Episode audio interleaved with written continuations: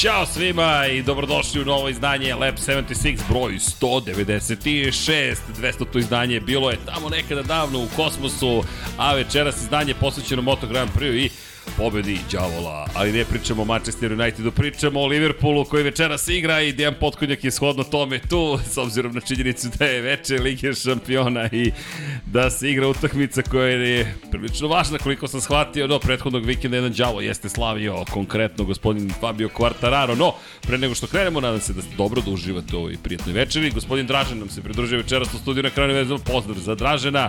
I eto, ovde je pozitivno raspoloženje, Deki sad namješta prenos da može da nastavi da prati. Namestio, namestio, sve okej. sve, sve je okej. Okay.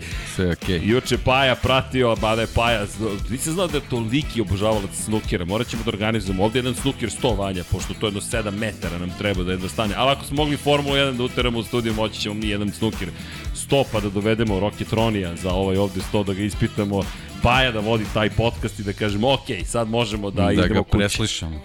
Da, ja mislim da bi to bilo zabavno da ga vas dvojice ispitujete i da ga pitate koliki je utjecaj Steve Davis snukera na vaš razvoj. Gospodin Steve Davis, čuveni Steve Davis. No, ovde smo zbog Moto Grand Prix, naravno, mazite se i pazite se, uvek ista poruka, Vanja ovde uživo vam podešava ko je gde kadriran i kako. Zašto? Pa zato što je slatko, jer mi smo ovde u studiju na kraju univerzima lepo se zabavljamo. Vanja, jesi mi dobro? Vanja ima pod kapicom jednu od redkih majica. To je, ljudi, merch koji se ne može nigde kupiti, ali samo na vezu se može nabaviti. Dobro ti stoji ta plava boja. Otvarate malo u struku i u ramenima, tako da to dobro izgleda. A nasmeo sam i Vanju, tu je koleginica iz prodaje, Dom Pablo, negde je bio, ne znam da li je tu još uvek ili nije, ali ako je tu, udri like Dom Pablo, a i zajedno sa njim. Ko voli Dom Pabla? Ha, ha, na Dom Pabla. Ako želite da otkrijemo do kraja godine ko je Dom Pablo, sa 100% lajkova da bude na videu.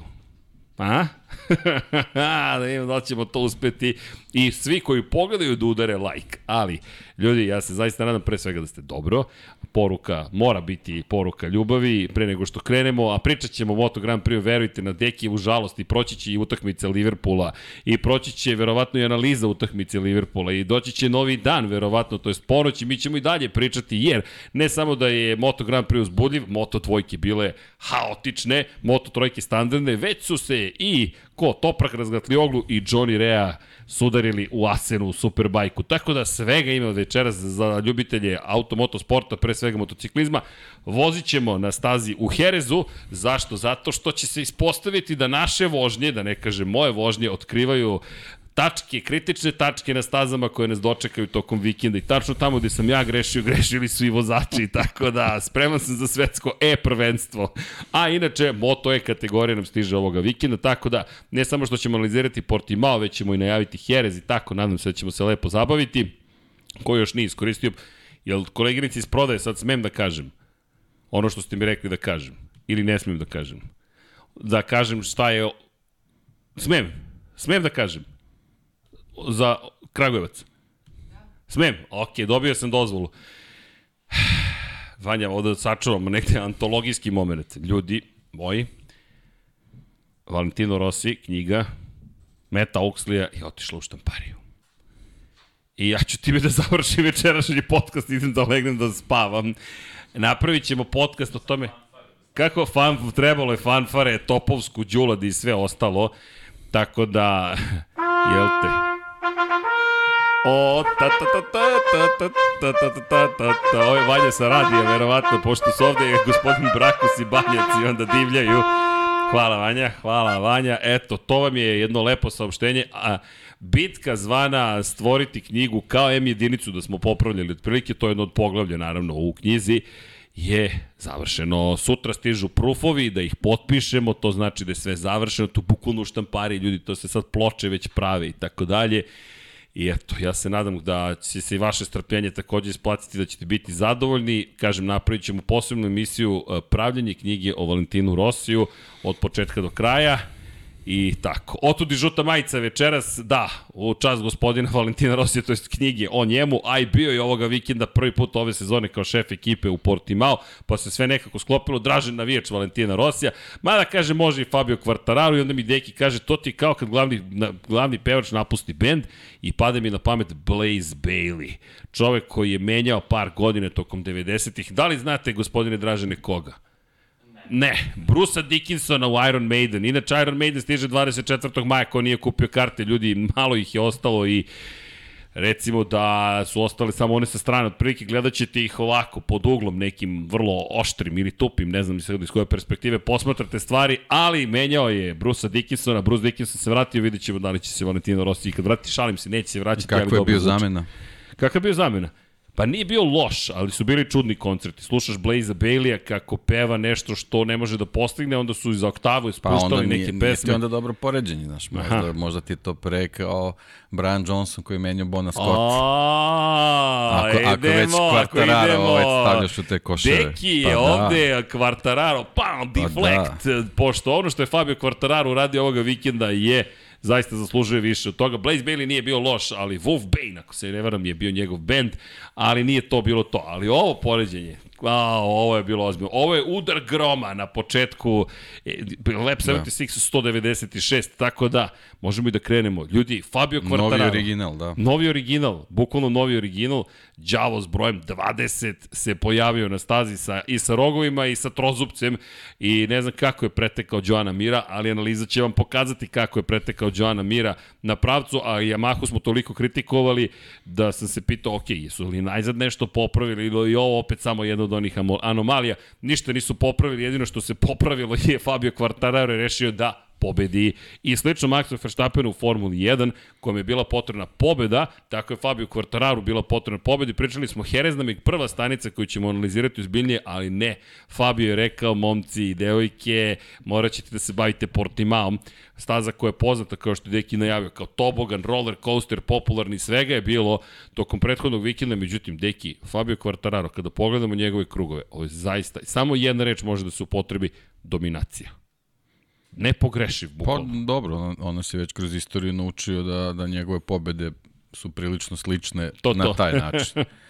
I to je ono što si rekao, to je neki recept koji, koji smo ovaj, već viđali kod Jorge Lorenza i otprilike to je to. Jako je važno da se što pre pređe u vostvo i onda kad se pređe na prvu poziciju, onda kreće ubitačan tempo i to je da kreće ubitačan tempo, nego ljudi, ono je bilo zastrašujuće, hvala Vanja, Fabio Quartararo, vidjet ćete u poređenju s nekim drugim vozačima, ali 1.40.09.1 za početak, to je drugi krug. Tu, tu smo još imali neku bitku. 1.39.8, 39.4, 9.6, 9.7, 9.6, 9.7, 9.7, 9.4, 9.5, 9.8, 9.6, 9.6, 9.7, 9.9, 9.8, 9.9, 9.9, 9.9, 4.0, tu je prvi put da, se, da je sporio od 1.40, vraća se na 1.39.9 i onda blago usporenje u poslednja tri kruga 40,2, 40,2 i 40,8 u momentu kada je slavio pobedu u 25. krugu. Prvi okay. počasni krug. I, i da, kako, je, publiku, kako je da. mahao da. u 15. Da, da. krivini. Ćao drugari, podsjetio me na Marka Melandrija u Australiji 2005. Hm, godine koji dodaje gas, potpisuje se i ćao drugari, samo maše. To je jedna od najlepših scena u Moto Grand Prix-u a Fabio Quartararo pa nije baš mogao tako da se potpisuje na onoj nizbrdici na toboganu, ali izgledao sjajno. I izvinjavam se, imam alergiju. Dakle, prvi put u životu da sam postao alergičan i odjednom kreće ovo, ovo je proleća wow, oči crvene, ne mogu da dišem i tako dalje. Nisam nikad ranije imao alergiju i tek sada mogu da razumem ljudi koji imaju probleme sa alergijama. Uopšte nije naivno, tako da ako ima alergije, razumem vas ljudi, a pošto Deki gleda Liverpool, slaba mi vajda u ovom trenutku, držim pašu, će biti 3-0 uskoro, da bi uskočio u celoj ovoj priči, ali ne brinite, izdržat ćemo mi. Da se mi vratimo na Fabio Quartarara, zaista dominantan, međutim, zanimljiv manevar se desio i ja moram da se osvrnem na to. Dakle, u ovom momentu Fabio Quartararo, kada je reč o šampionatu sveta, ima prvu poziciju, zahvaljujući pobedi koju je ustvario, ima isti broj poena kao i drugoplasirani. Alex Rins, kome bih dodam, po, za njega su fanfare Vanja, koji je krenuo ljudi 23. i završio četvrti. Ako smo o Marku Markezu pričali hvalospeve u Americi, šta da kažemo, deki za Aleksa Rinsa. Ne, nije bio na pobedničkom postolju, ali Aleks Rins je krenuo, bukvalno što kaže Fabio, tamo negde gde je vozilo bezbednosti, otprilike, to, i, to je ne Bastianini rekao, bukvalno je datle krenuo u roku od jednog kruga, on je 12 ljudi pretekao i stigao na kraju do četvrte pozicije. Ne, fantastičan prvi krug, ovaj, eto, imali smo sreće, pa je, pa je ovaj, prenos iz, iz Portugala stvarno super urađen, tako da ima, možete i net, na netu da pronađete, ima iz helikoptera snimak Jeste, ovaj, lepo su ga obeležili. Da, da, obeležili su Pogledaj ga. Pogledaj ove krugove. I, I zaista se vidi ovaj, kako, kako veoma pametno ovaj, kontroliše situaciju, ima apsolutni pregled na, na jako nezgodnoj stazi koja nije, nije ravna, jednostavno ima suviše uspona i padova da bi, da bi mogu u, u, ovaj, u svakom trenutku da se iskontroliše čitao situaciju, međutim on je to stvarno jako pametno odradio i mislim da je, da je verovatno pripremao taj krug uh, u, u, u glavi možda i pre, pre samog starta, naravno bilo je potrebno malo i sreće da se, da se sve izdešava na način kako se njemu desilo i stvarno, mislim, jedan onako od, od uh, ne mogu sad kažem antologijskih krugova, ali, ali krugova za pamćenje pre svega zbog te čitave situacije i sa vremenskim uslovima i sa, i sa kompletnim gridom i, i ovaj problemima koji su neki drugi vozači imali opet sa druge strane dobro, dobre formi ostalih, tako da stvarno mu se i sve, sve poklopilo, a i on je stvarno pokazao majstorstvo i, i taj krug je ono, fenomenalan, jednostavno taj, taj taj krug, jedan krug od, od čitave krug trke je praktično i, i odredio njegov kasni plasman. Pa da, bukvalno taj prvi krug je, je, je definicija onoga što, ne definicija, ali to vam je bukvalno to. Uradiš to i ti si na pravom putu. Jer Mark Marquez, na primjer, nije imao tako dobar prvi krug. Njegov posao je bio drugačiji, ali baš je neko rekao, koliko ste hvalili Markeza u Teksasu, ali postoje dve stvari koje su se desile tada. Ne samo što je Marquez preticao, već je Marquez bio u kadru, Rins nije imao tu priliku zašto. Previše je bila uzbudljiva bitka za drugu poziciju, koja se završila na žalost incidentom između Jacka Millera i, i Joana Mira. Doći ćemo na to. Neću da pobegnem od Fabio Kvartarara zato što želim da rešimo jednu ozbiljnu misteriju pre toga. Vanja, šaljem ti jedan mali dodatak na Slack Zašto? Ljudi, ko je pratio trku, iz one koji nisu, tu smo mi da ispričamo, šta se dešava? Inače, pričali smo o Portimao i taj poslednja krivina i to, taj tobogan spuštanje i brza krivina u desnu, izlazak na startu cijeli pravac, pa bragi uspon, pa ide neka vrsta visoravni, pa onda spuštanje, ko je pratio prošle godine, kak, prošle nedelje, izvinjam se kako smo vozili, da ne kažem moja malenkost, kako je grešila na ulazku u prvu krivinu, mogla da vam najavi ono što će se dešavati, a to su greške u prvoj krivini, ali ovo je priča o izlasku iz poslednje krivine. Obratite pažnju na ovaj grafikon. Ovo je 25 vozača koji su učestvovali u ovoj trci, 24 redovna, plus Lorenzo Savadori, treći vozač Aprilia Racinga, koji ćemo posebno da hvalimo s obzirom na činjenicu da Aleš Espargaro bio treći na kraju trke iza Joana Zarka, na, Joana Zarka, oprostite, na Ducatiju i očigledno Kvartarana na fabričkoj Yamahi. Fabio Kvartararo, kao što mu broj kaže, iako to nije redni broj, 20, bio je 20 od 25 vozača tokom celog vikenda po pitanju maksimalne brzine. S tim što samo tri vozača nisu zabeležili najveću brzinu tokom trke. Jack Miller, Fabio Quartararo i Raul Fernandez, koji nažalost nije ni vozio na kraju i koji je tek u treningu broj 3 ostvario najveću brzinu po kiši, koja je 323,3. Najbrži, ovo je bitan kadar, je bio Alex Marquez, 351,7 km s Hondom, ispred Francesca Banjaje na fabričkom Ducatiju ista brzina i Enea Bastianini na prošlogodišnjoj verziji Ducatija u Gresini Racingu. Šta hoću da istaknem? Obratite pažnju, Fabio Quartararo je tokom celog vikenda bio brži od samo nekoliko vozača. Franka Morbidelija, klubsku kolegiju Yamahi, Remija Gardnera na KTM-u teh tri ekipe fabričkom, Derina Bindera na prošlogodišnjoj Yamahi i Joana Mira na Suzuki. Od vozača u trci, Joan Mir je bio najsporiji po pitanju maksimalne brzine. Međutim, Dodaću i pre nego što nastavimo sa incidentom, iako je Jack Miller imao očiglednu prednost, Jack Miller je tamo, nedostajalo mu je ta 2-3 km na čas i nije bio toliko brz kao u jutarnjem zagrevanju. Ali, Fabio Quartararo je imao samo jednu osobu da pretekne na startnu ciljnom pravcu i to je bio čovjek koji je de facto bio najsporiji tokom cele trke po pitanju maksimalne brzine. Otud nije Yamaha još uvek rešila svoje probleme. Kada u poslednjih pet imate tri Yamahe po pitanju maksimalne brzine, nije rešen problem, već je Fabio uspeo da ne samo da pretekne prave ljude, već ima i dozu sreće da najđe na Mira. Ali, videli ste da nije bilo lako preteći Mira. Deki, kako ga uopšte pretekao na kraju, ne samo po pitanju maksimalne brzine, nego kako je izveo to Fabio Quartararo? Pa, očigledno da je na, na, na toj stazi najvažnija priprema pred izlazak na, na startni pravac i pravo, pravovremeno kočenje na tom nezgodnom spustu pred, pred prvu krivinu. A to je to, očigledno to smo u situacija u kojoj je Fabio majstor, a vidimo da je, da je Joan Miret do, do te neke situacije koji nije mogao ni, ništa da uradi, jednostavno nije mogao da utiče na to da, da ima neki svoj, svoj specifičan stil, ali je definitivno uh, ovaj, prilično dobro savladao pripremu za ulazak u tu prvu krivinu i, i njih dvojica su jednostavno pokazali da su, što se toga tiče, za klasu iznad ostalih na, na stazi u Portimao. Mi smo prošle nedelje analizirali i samu stazu iz te perspektive simulacije. Obično nekako pocenimo simulaciju, ali ja moram da napomenem. Posle Formule 1, koja nam je pomogla da shvatimo bolje Imolu, iako sam ja puno grešio, iako sam puno grešio u Portimao, opet tačno možeš da vidiš što si ti zapravo zaključio, Hvala ti na tome. Pa si mi rekao danas, Srki, gde si najviše grešio? Gde si morao ranije da kočiš? Gde je Jack Miller morao ranije da koči? na ulazku u prvu krivinu. Jer ta izbrdica i pritom visoka brzina, gde mislim da postoje jedan ozbiljan problem poteškoće za ostale sa Joanom Mirom.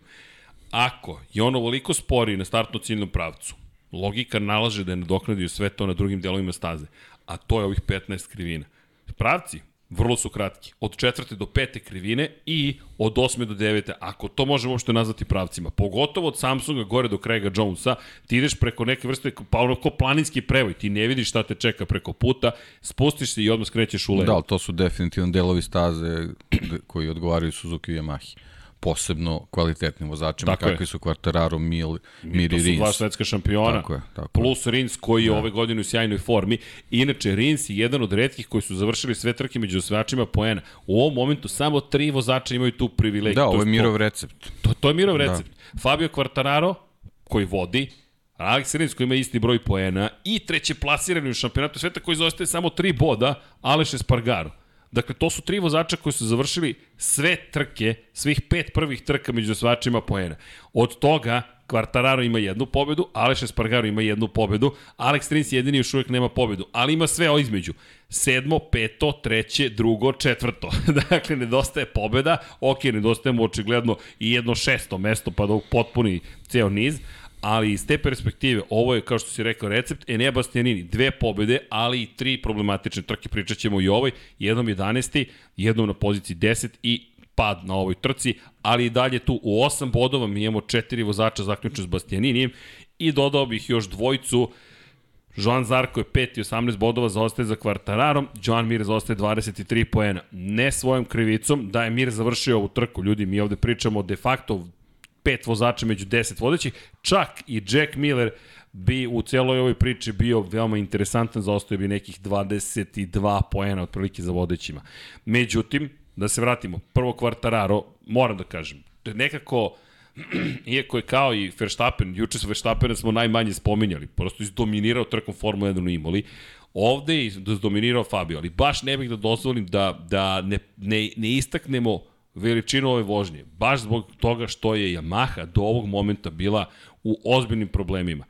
Tek po kiši je bio drugi, sada po sumom pobeda i Yamaha u ovom momentu ima dva pojena više od Aprilije. U šampionatu konstruktora skočila na četvrtu poziciju, polako li sigurno se oporavlja, Honda i dalje na šestom mestu, tragedija o kojoj ćemo tek pričati, ponovo najbolji plasman ostaje krajnje problematičan u celoj ovoj priči. Opet dolazimo do toga da Mark Marquez, bez obzira na sve povrede, najbolji Hondin vozač, šesta pozicija, tragično, ali tako je. I da se vratimo opet na Fabio Quartarara, deki, ja mislim da zaista na ovoj Yamahi odvesti ovako, izdominirati je nešto što se vrlo redko viđa. Period kada je Jorge Lorenzo dominirao, nije bio period kada je Yamaha bila u problemu. To je bio period kada je Maha bila jedan od najkvalitetnijih motocikala.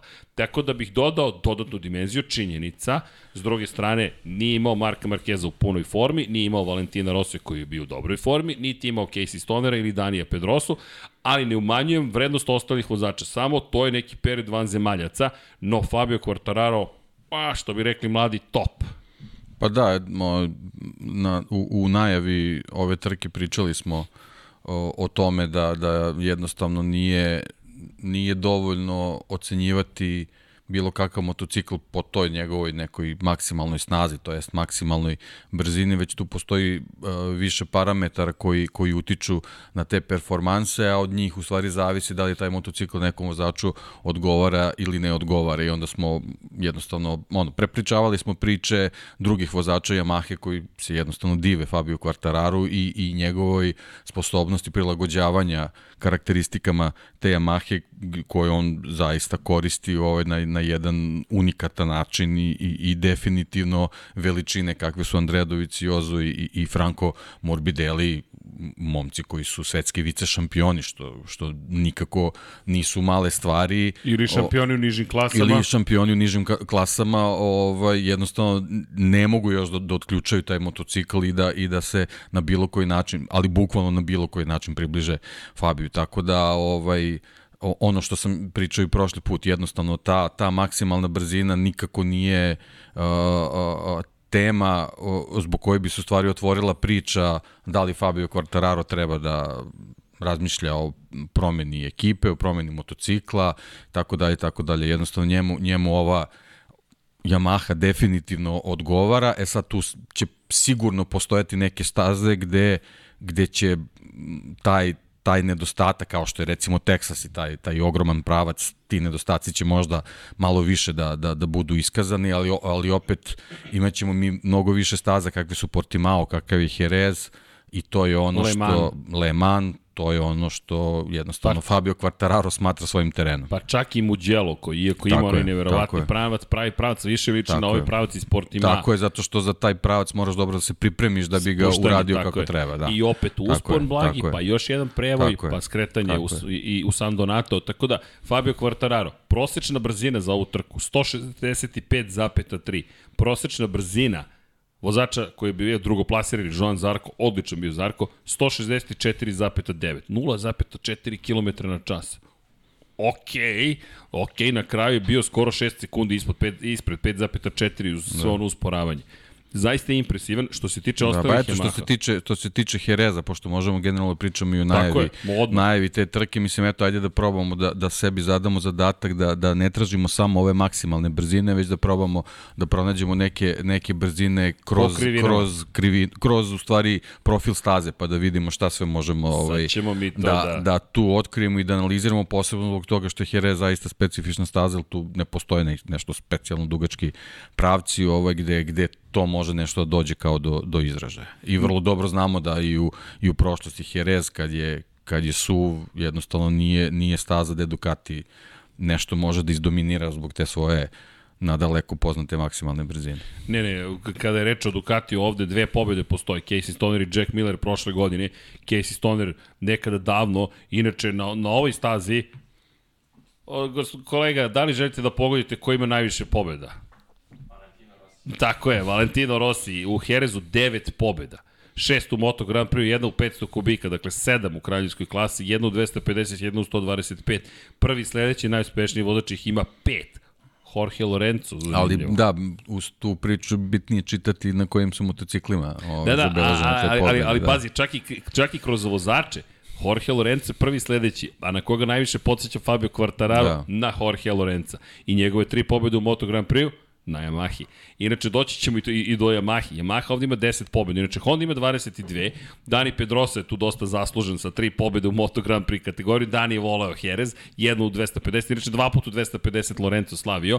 Ok, Mig Duan četiri pobjede, izvinjam se za Honda, uvijek se nasmije kada je Mig Duan u pitanju, tri puta ovde slavio Pritom Alex Krivije, to su te periodi Honda kada je da, dominirao. Da, tu je bila baš dominacija, da. Jeste. Da, da. Ali... Pa nije, nije baš dovoljan parametar za neke stvari. Da, ali od 2002. Da devet pobednika, Rossi šest puta, Marquez tri puta, Lorenzo tri puta, Dani Pedrosa tri puta, Fabio Quartararo dva puta, ali bih mu ja upisao tri puta, jer prošle godine da nije bilo kompartment sindroma, nema šanse da bi ga Miller sustigao, ono je bila njegova trka. Jack Miller tu jednu pobedu, Casey Stoner jednu, Loris Cap... Ne, Ducati ima pobedu Loris Capirosija. Tak, a, a, a, a Loris Capirosija ovde slavio 2006. na početku sezone i Sete Gibernau jedna pobeda. U svakom slučaju, kada pričamo o, o onome što dolazi, Fabio te kako ima čemu da se nada. Zaista mislim da ovo može da bude... Kao... Ma, ja mislim da to nije nadam, to je... To je... To je to. To je to. stvarno, zaista ne Jeste. znam šta treba da se desi da, da bude drugačiji ishod. I još jedna napomena. Šta je sledeća trka posle Hereza? Ide kući ide u Le Mans, kome takođe donekle odgovara ta staza, Ducati da. tu pogotovo po kiši može da dođe do izražaja, ali Yamaha tu bi trebalo da, da mu odgovara. Da, veoma će biti bitno kakvi će vremenski uslovi da budu, ali uz pobedu Herezu znamo da, ako dođe do pobede u Herezu, znamo da Fabio ume da slavi i drugo i treće mesto, tako da mislim da za Le Mans nije, neće biti toliko nužno ukoliko u Herezu sve bude kako treba da, da se u Le Mansu slavi, a znamo kako kod njega deluje ovaj kako na njega deluje kad je kad je potpuno opušten, kad nema pritiska, ovaj kako kako to može tek da izađe u, u pozitivnu situaciju. Pazi, ovo šta meni ono što je zanimljivo u celoj priči, kada pričamo o sezonama. Ajmo, spominjemo Valentina Rossi, spominjemo velike šampione. Ovo je period kada su se osvajale titule. I ono što smo stalno pričali, čekaj da dođemo u Evropu, da, da dođemo u Evropu, jer ovo su tradicionalne staze, ali više od tradicionalnih staza jeste ta situacija u kojoj, kada bolje pogledaš, ovo je taj period godine kada ti možeš da slomiš konkurenti. Ja sam duboko ubeđen da Fabio Quartararo je zapravo pobedom u Portimao započeo taj niz. Možda neće sve biti pobede, ali će biti prvi, prvi, drugi, prvi, na primjer, ili tako nešto slično tome. Zašto? Ako smo sada u Herezu, a znamo da tu može Yamaha i tekako da, da, da funkcioniše dovoljno dobro, očigledno će Fabio funkcionisati šta god da se desi, zatim Le Mans ide kući, ceni da će ovoga bit, puta biti baš šampionski raspoložen, padala kiša ili ne. Četvrta stavka, Mugello. Koliko god Mugello izgledao kao staza za bilo koga drugog. Yamaha, upravo magija Valentina Rossi, setite se 2004. godine, ma, nema maksimalne brzine Ne mora da ima.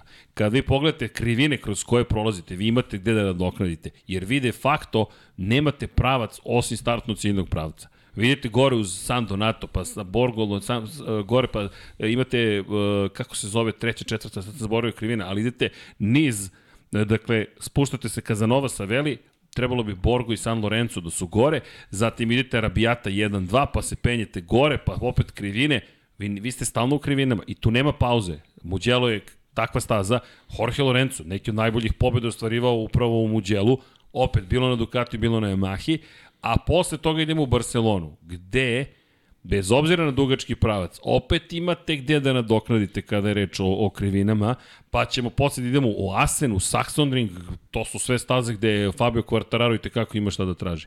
Ne možete da se izvučete samo na maksimalnu snagu, to je maksimalnu brzinu ili snagu. Tako da ova pobeda za Fabio Quartararo, ja mislim da je ovo receptura starih šampiona, zaista da izlači iz, starih, iz, iz nekih drugih vremena i da zapravo juri tu višestroku krunu koja te izdvaja Kada osvojiš dve titule, to si već u jednom posebnom, u jednoj posebnoj grupi vozača. Daleko od toga da kada imaš jednu titulu nisi šampion veliki, ali sa dve titule to je već neki novi nivo. Još ako odbrani titulu, ok, možda idem predaleko, ali imam taj utisak na osnovu ove dominacije na osnovu njegove rečenice kada je rekao znao sam ako povedem da pobeđujem. Ne da ću biti dobar, nego da pobeđujem. Kraj. Bukvalno kraj priče. I Fabio se ovde bavio pobedom, što je bilo fenomenalno videti. Naravno, ima tu još ovih drugih vozača, nećemo ih zaboraviti naprotiv, ali eto, mislim da prosto Fabio Quartararo zaslužuje posebnu pažnju ovoga puta. Zaista je uradio nešto neverovatno. Elem, idemo mi dalje. Ko je još bio dobar? Jean Zarko za Francuze. Nije prvi put da Francuzi imaju vodeću dvojicu, desilo se i prošle godine na velikoj nagradi Dohe, pobedio opet Quartararo, na drugoj poziciji bio Zarko, pol pozicija za Zarka, pohvale zaista, i delovao je nekako bolje. Ono što mi se dopalo, šta je rekao tokom trke, nisam mogao da pratim Quartararo, Quartararo bio u nekoj drugoj dimenziji, ali tokom trke rekao, čekaj, rekao sam samom sebi, moraš da nadokradiš, moraš nešto da učiniš i kada pogledamo tempo, ide to gore dole, Zarko još uvijek nije došao do tog nivoa preciznosti, ali daleko toga da je bio loš tempo. Ima tu nekoliko krugova ispod 1.40, međutim Zarko, dopada mi se pre svega taj stav koji je zauzeo pa, na kraju. Da, na ovoj trci što se tiče Zarka, najbolja stvar je bila taj njegov povratak posle, posle pada sa pol pozicije.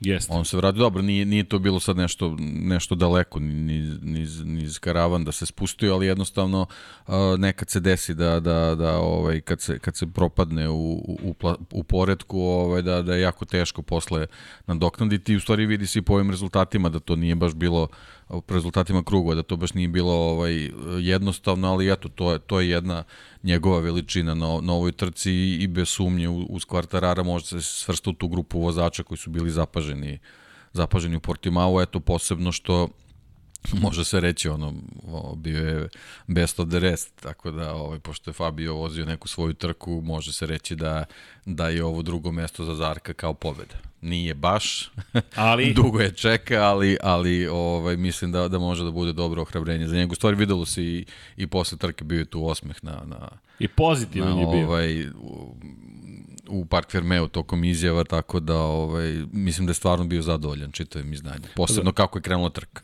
I meni su bile lepe te reči. Francuz je pobedio. Ok, nisam ja, ali je Francuz pobedio. Mnogo to znači i rekao je prosto da, da mu je iz te perspektive drago, a i zadovoljan svojim trkom. To je bilo lepo čuti. U svakom slučaju Zarka, čekamo. Ja mislim da će se i ove godine, ako ovako, ako nastaviš samo još dve trke za redom, da odveze dovoljno stabilno, stabilno da bi Zarko mogao tokom godine da kruniše jednu od trka pobedom, da će se negde vrata odškrinuti. Da, samo je bitno da, da, to, ovaj, da se to ne juri po svaku cenu. Ovakvi plasmani, ako se je. nastave kao što je recimo prošla godina krenula, pa je tu malo ovaj, zaškripalo, mislim da je bolje ovako. Pa ako dođe pobeda, mislim da već ima dovoljno iskustva da on može da, da ovaj, tu neku trku i snova, ako, ako dođe do nje, ovaj, da može da je privede kraju na pravi način. U svakom slučaju Zarko 20 poena, lepo je bilo vidjeti ga u tom raspoloženju, peti sad u šampionatu, bilo mu je potrebno. Ono što je problem opet sa Zarkom, bude deseti, pa treći, pa padne, pa bude deveti, pa bude drugi. Isto kao što ste videli u ovoj trci da izgledaju krugovi, tako za prilike izgleda i sezona Žona Zarka. Tako da kažem, još dve trke da bude, ovo što ti kažeš, isto stabilan i možda ćemo i dobiti taj, taj veličanstveni triumf. Aleš Espargaro, čovek koji je rekao jedva čekam da ukinu nam koncesije Aprili, pošto Aprili je jedini preostali konstruktor u šampionatu sveta koji ima koncesije, to jest ima mogućnost da koristi neke stvari koje drugi timovi nemaju, zahvaljujući činjenici da su rezultati bili toliko loši do sada i rekao da uvek sam mrzeo koncesije, jer to podrazumeva bukvalno da ste loši. I ja se nadam da zna šta, šta želi, jer KTM se nije baš proveo kada su ukinuli koncesije, ali mislim da Aprilia je spremniji od KTM. Pa da, ovo, ovo čak i bolje izgleda nego, Jest. nego KTM. Ovaj, posebno što je on imao, imao je start nešto, ala Zarko, ovaj, nije, nije se baš proslavio ovaj, u čitavi priče, ali opet impresivno je kako se i on ovaj, vratio, pre svega njegov, njegov trkački ritam je bio ovako prilično dobar, što, što više e, na, na duge staze više ohrabruje Apriliju nego, nego konkretno samo ovaj rezultat. A ovaj rezultat po sebi je, je dobar baš zbog toga što u Teksasu nije to baš bilo onako kako se kako se možda očekivalo. Tako da ovaj, ovaj povratak sa podijumom, dobro, naravno, treba. podijum uz malo sreće sve okej. Okay.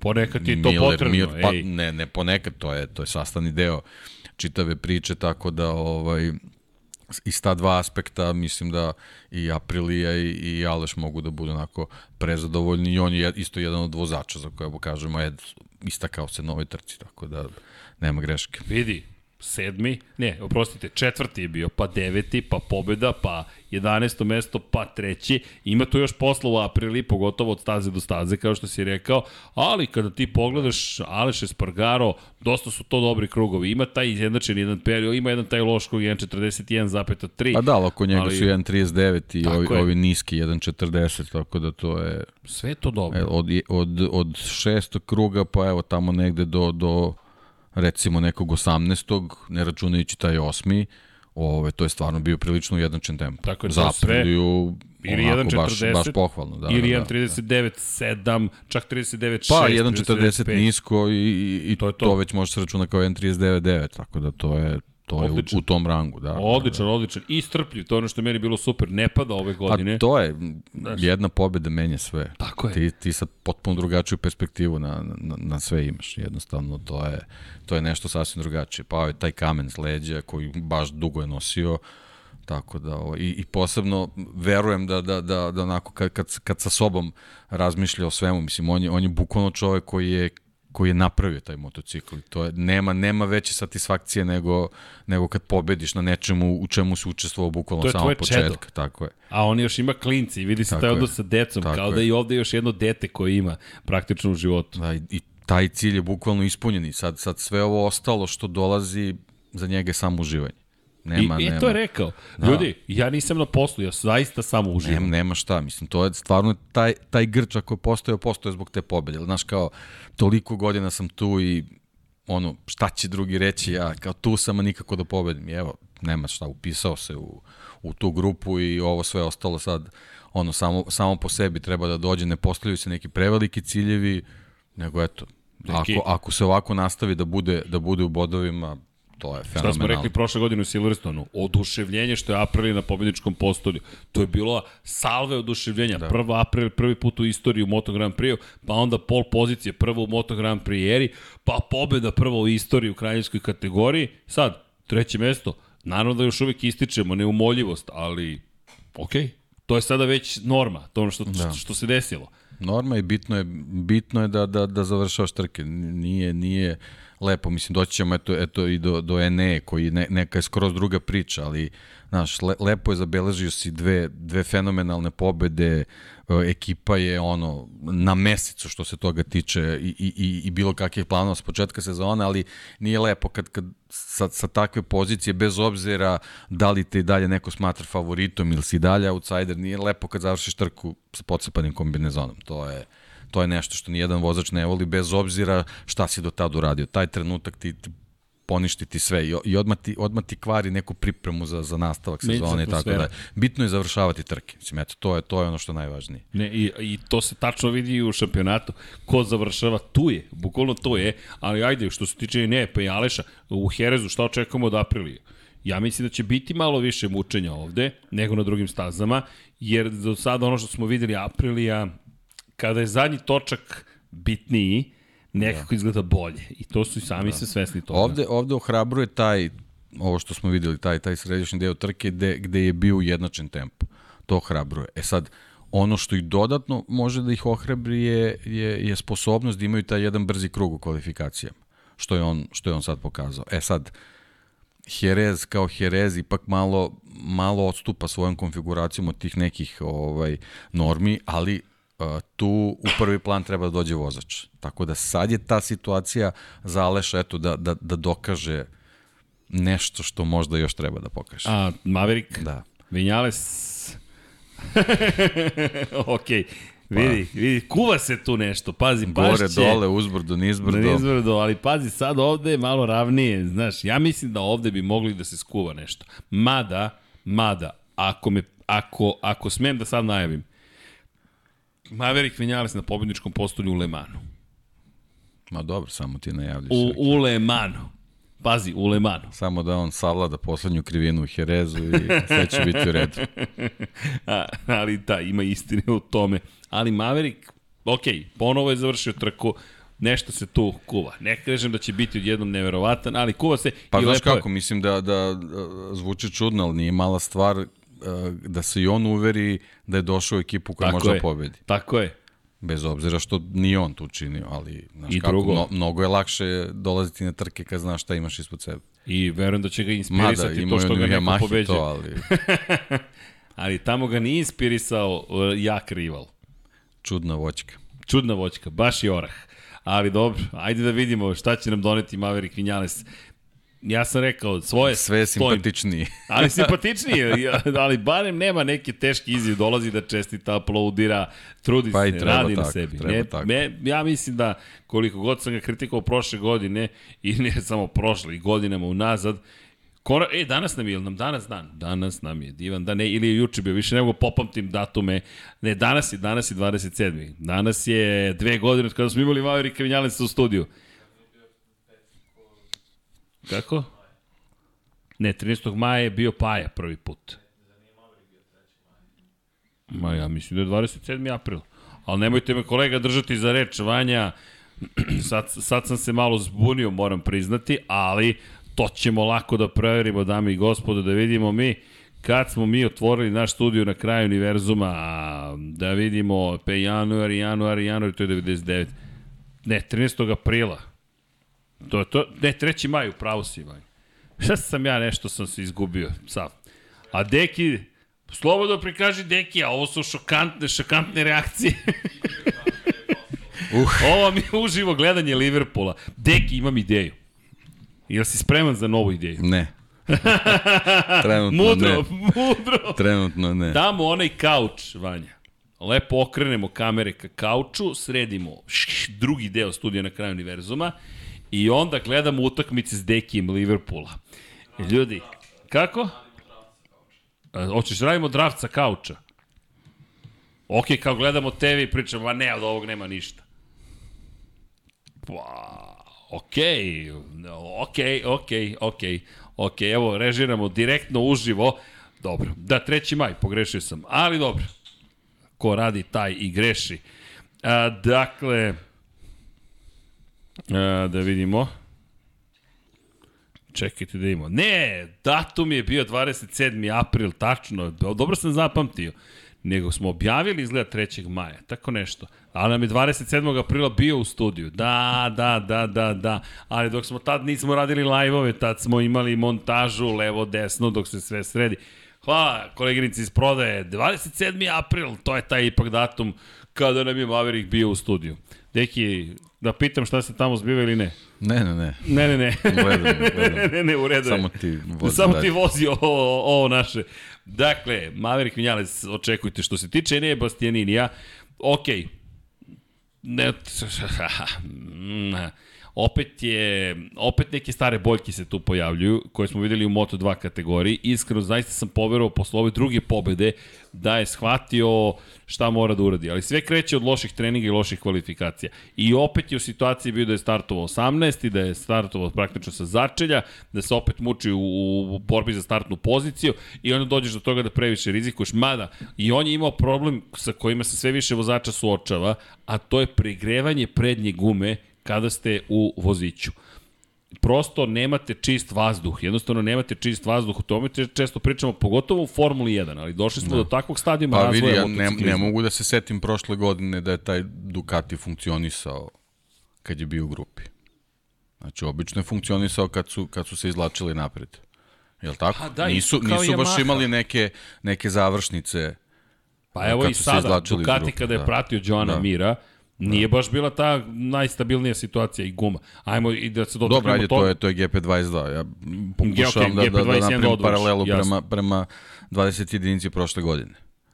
Ovaj, tako da ovaj očigledno da, da, da mora da se obrati pažnja na to i, i ne treba ovaj ne treba preterivati s ambicijom. E, to je zanimljivo, ali, ali to sad valjda treba naučiti, pretpostavljam. Pretpostavljam da treba naučiti kako sad sebi reći, stani, moram da stanem u ovom trenutku. Znaš, kako se to uči uopšte? Je li to iskustvo? Pa verovatno jeste sad ovaj e, moguće da, da, da moraš ovakvu neku školu da, da prođeš, pa kad pogledaš ovaj plasman u šampionatu, pa kad shvatiš gde si mogao da budeš sa malo staloženijom vožnjom, Jer to je ono, to, to smo pričali, to, to nam se dešavalo i, i 2020. i, i, i 21. da na kraju sezone kad podvučemo crtu, izlačimo po nekih 5, 6, 10 bodova gde su neki vozači mogli, mogli da ih uzmu i onda šta bi bilo kad bi bilo. E, možda je zato za njega dobro da u ovoj fazi sezone ovaj, eto, stane i pogleda gde bi mogao da bude da je bio malo strpljiviji, bukvalno samo na dve trke. Ono što je super za njega, on zaostaje da. samo 8 poena Ma za da, ma da, apsolutno, nije, nije, to, nije to ništa, pritom iza njega dolaze staze koje već poznaje. Tako da ovaj može može taj taj Gresini taj GP21 još da da da da dobro funkcioniše sad tu je ono što smo što smo i pre sezone pričali koliko i i posle te prve pobede koliko u stvari Gresini može može da izgura čitavu sezonu. Tako da ovaj, ima, ima tu još dosta, dosta da se radi, ne treba i, i, i na Eneu sad stavljati neki ne, ne, ogroman ne, ne, pritisak ne, ne, ne. favorita, ali otprilike ovo što se njemu sada dešava je otprilike nešto što smo imali kod Zarka prošle godine. A, jel te podsjeća malo na Kvartarara? Te podsjeća malo na Kvartarara kad je Kvartararo započeo sezonu, drugu, pobedama. Kvartararo stigao 2019. 2020. je počeo sa dve pobede činjenica u Herezu, pa je to bila malo anomalija. Ali dve pobede imaš u četiri prve trke, ali i dalje praviš greške. Jer Kvartararo je sajno počeo te dve trke i onda su počele greške. Ovde imamo dve različite staze između dve staze takođe između te dve pobede i mene malo tu podsjeća na tu fazu učenja, odjednom sad od tebe neko nešto očekuje. Koliko god ti govorio, ma ne, ne, ne, ja ću to lako da podnesem drugačije. Drugačije kad se očekuje, ej vidi, mi očekujemo još pobeda, nije to niko Gresiniju rekao, ali mediji su to rekli i odjednom ta priča, ovo pa da, novi, uđe, Rossi uđe to, uđe god. to u, u, u glavu i mislim da tu je on više sam sebi postavio ovaj taj zadatak nego što što Gresini to da, očekuje. Da, Gresini deluje da da bi oni super zadovoljni bili ono što sam što sam ovaj i ranije rekao za druge vozače i oni bi super zadovoljni bili da on završava trke. Ma vidi, on dve pobede mi doneo već ove godine, pazi, oni su čekali Znaš, kako je lepo, kako je lepo na, na kraju ovaj, prethodne trke kad ti imaš ovaj, plasman konstruktora i na, na plasmanu Ducatija stoji tvoja slika. Mislim, to je, to je stvarno, da. to je stvarno ovaj, o, ozbiljan domet i, i, i samo je bitno da on sam sebi ne, ne, ne postavlja te neke, te neke velike ciljeve u smislu da, da sebi ubaci u glavu da je, da je on sad taj koji je u kadru i on, da on sad mora da, da ovaj, pruža neke, neke ne, nenormalne ovaj, partije. Jednostavno treba, treba da ovaj, stane na loptu kao što on to ume da uradi i mislim da će to biti skroz ok. Evo malo pogleda na bitku za titulu, polako se i ovo formira, ovaj grafikon, hvala inače Dragoju Stanišiću, Fabio koji ide, ide i Alex Rins, ide i Aleš Espargaro, ide i Enea Bastianini, mada je Enea evo ovde imao prvi kiks i to ono što samo pričamo, osvajati poene svi su osvajali poene do ove trke, osim Bastianinija. Da si završio deseti, to je 6 poena. Tako je. To je 67 bodova, ti da. si ispred Aleksa. Pa kažem, to su te, kad podvučeš crtu, to je ono zbog čega trebaš da, da, da, da se lupiš u glavu i kažeš čekaj, ne, nema razloga da, da, da se ide na ovaj način. Imam, Stani. imam oruđe s koji mogu da, da, da uradim više. Nije, nije bitno da na svakoj trci budeš prvi, man, za njega nije bitno, ne mora na podijumu da bude na svakoj trci. Bude četvrti, peti, Tako sasvim je u redu. Pobeđivaće i bit će četvrti, peti. Absolut. Inače, to je strategija A sad koju ovako samo gubiš priključak. Tako, I kome se to desilo, iako nije pogrešio, Joanu Miru. Jer Mir kada pogledaš, šesti, šesti, četvrti, četvrti, I ti si lepo rekao, ovo je, ali Suzuki je mirisalo je na Suzuki, katastrofalne kvalifikacije su isključile Rinsa iz trke za pobedu, ali Mir nije mogao protiv Kvartarara, to je bilo očigledno. Ja mislim da on u jednom momentu rekao, ok, nema ni potrebe ovo da jurim, imam svojih 20 bodova, tipično za njega, i onda greška Jacka Millera, i to, to je trkački incident, Dakle, rekao i John Mir, očekujemo od Jacka da nauči iz ovoga. Jack je rekao, ljudi, ja sam pogrešio, preambiciju sam sam bio, Znaš, kad ambicije prevozila za talent. e, da, ali mi veruješ da mi je ta scena prošla kod Pa onaj, onaj Mirov aplauz mi je meni se zvučalo sve, mi je, na to, meni je da. sve sklopilo. Dobio sam kritike navijača Valentina Rossi, zašto si baš taj istakao? Rekao, ljudi, zar vam ne liči? Ducati se sklopio nekome, uleće u nekoga koji seda na Ducati koji seda na Ducati, to je to, meni to u glavi, još je krivina u desno, Jerez je sledeće nedelje i uh, Casey koji je aplaudirao isto tako Rosiju kad, ga, kad je prošao sledeći krug, a u tom momentu Mir dolazi i aplaudira. I meni se, samo, samo, samo već viđeno. I Casey isto je tako jahao Honda u toj situaciji, sve isto bukvalno. I razmišlja, mene ovo liči na taj incident. Zašto meni je podsjetilo na Andreju Janone i Andreju Dovicioza u Argentini? Što je Andrej Janone lansirao Andreju Doviciju, da. bukvalno razneo. Dani Pedrosa u, u Americi, opet sa Andrejom Doviciozom, nažalost, To je torpedo tor, Isto, bu, to je torpedo, bukvalno. da. Tako da je ovo, ovo je bilo, surf. ovo je surf, bukvalno je bio surfing, i ra, pa Portimao ipak. Pa da, talasi su to, da, da. sam, dobro. Kako se zove ona plaža čuvena u Portugalu? Jao, sad sam zaboravio. Luka ima tu majicu, to su najveći talasi. A, Praia de Guincha. E, i, to ima, i ono gledam i razmišljam, čekaj, cijela, cijela Mislim situacija. Mislim da je Goldfinger na njoj, ona uvodna scena. Stvarno? Da. A, deki, morat ćemo ponovo u bioskop, ništa sad ti kažem. Morat ćemo i ponovo na plažu. si bio? Da, da nisam, si bio? Gde, kada, tamo? Na toj plaži, ne. da. E pa vodit ću te. To, deki! idemo, idemo do najzapadnije tačke Evrope za početak, pa da se spustimo.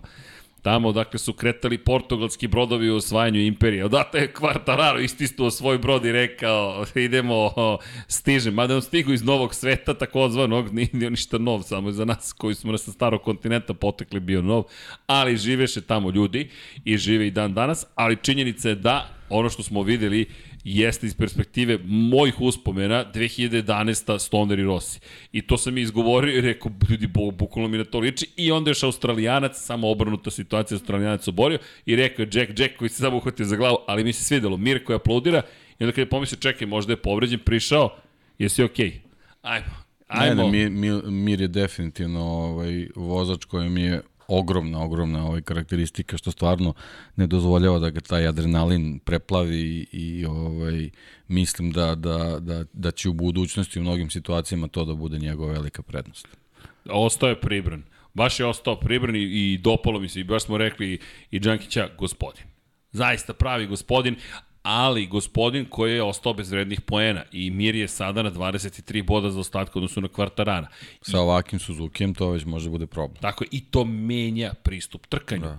Jer ti sada, i to nemaš samo kvartarara ispred sebe, sad je ispred tebe i Zarko i Bastianini. Da, ali mislim da, da, da u toj grupi vozača ta, ta razlika važi samo u odnosu na kvartarara. To je ono što je bitno da se gleda. I možda, možda da. Aleksa Rinsa. Da, da, da, apsolutno Znaš, da. Apsolutno da. Apsolutno mi, da. Rins mi djeluje ove da. godine kao... Ali on, on sa Rinsom može da drži Tako je. korak. Sa ovakvim kvartararom teško. Jel vidiš, meni se zaista, meni se sklopila, kad smo se ovo sve ispričali i pripremali, sklopila mi se ovako scena Fabio Quartararo šestruki šampion. Jer to je to, koliko god je izgledalo mučno u prve četiri trke, Yamaha se muči, nema ga, nema ga, nema ga.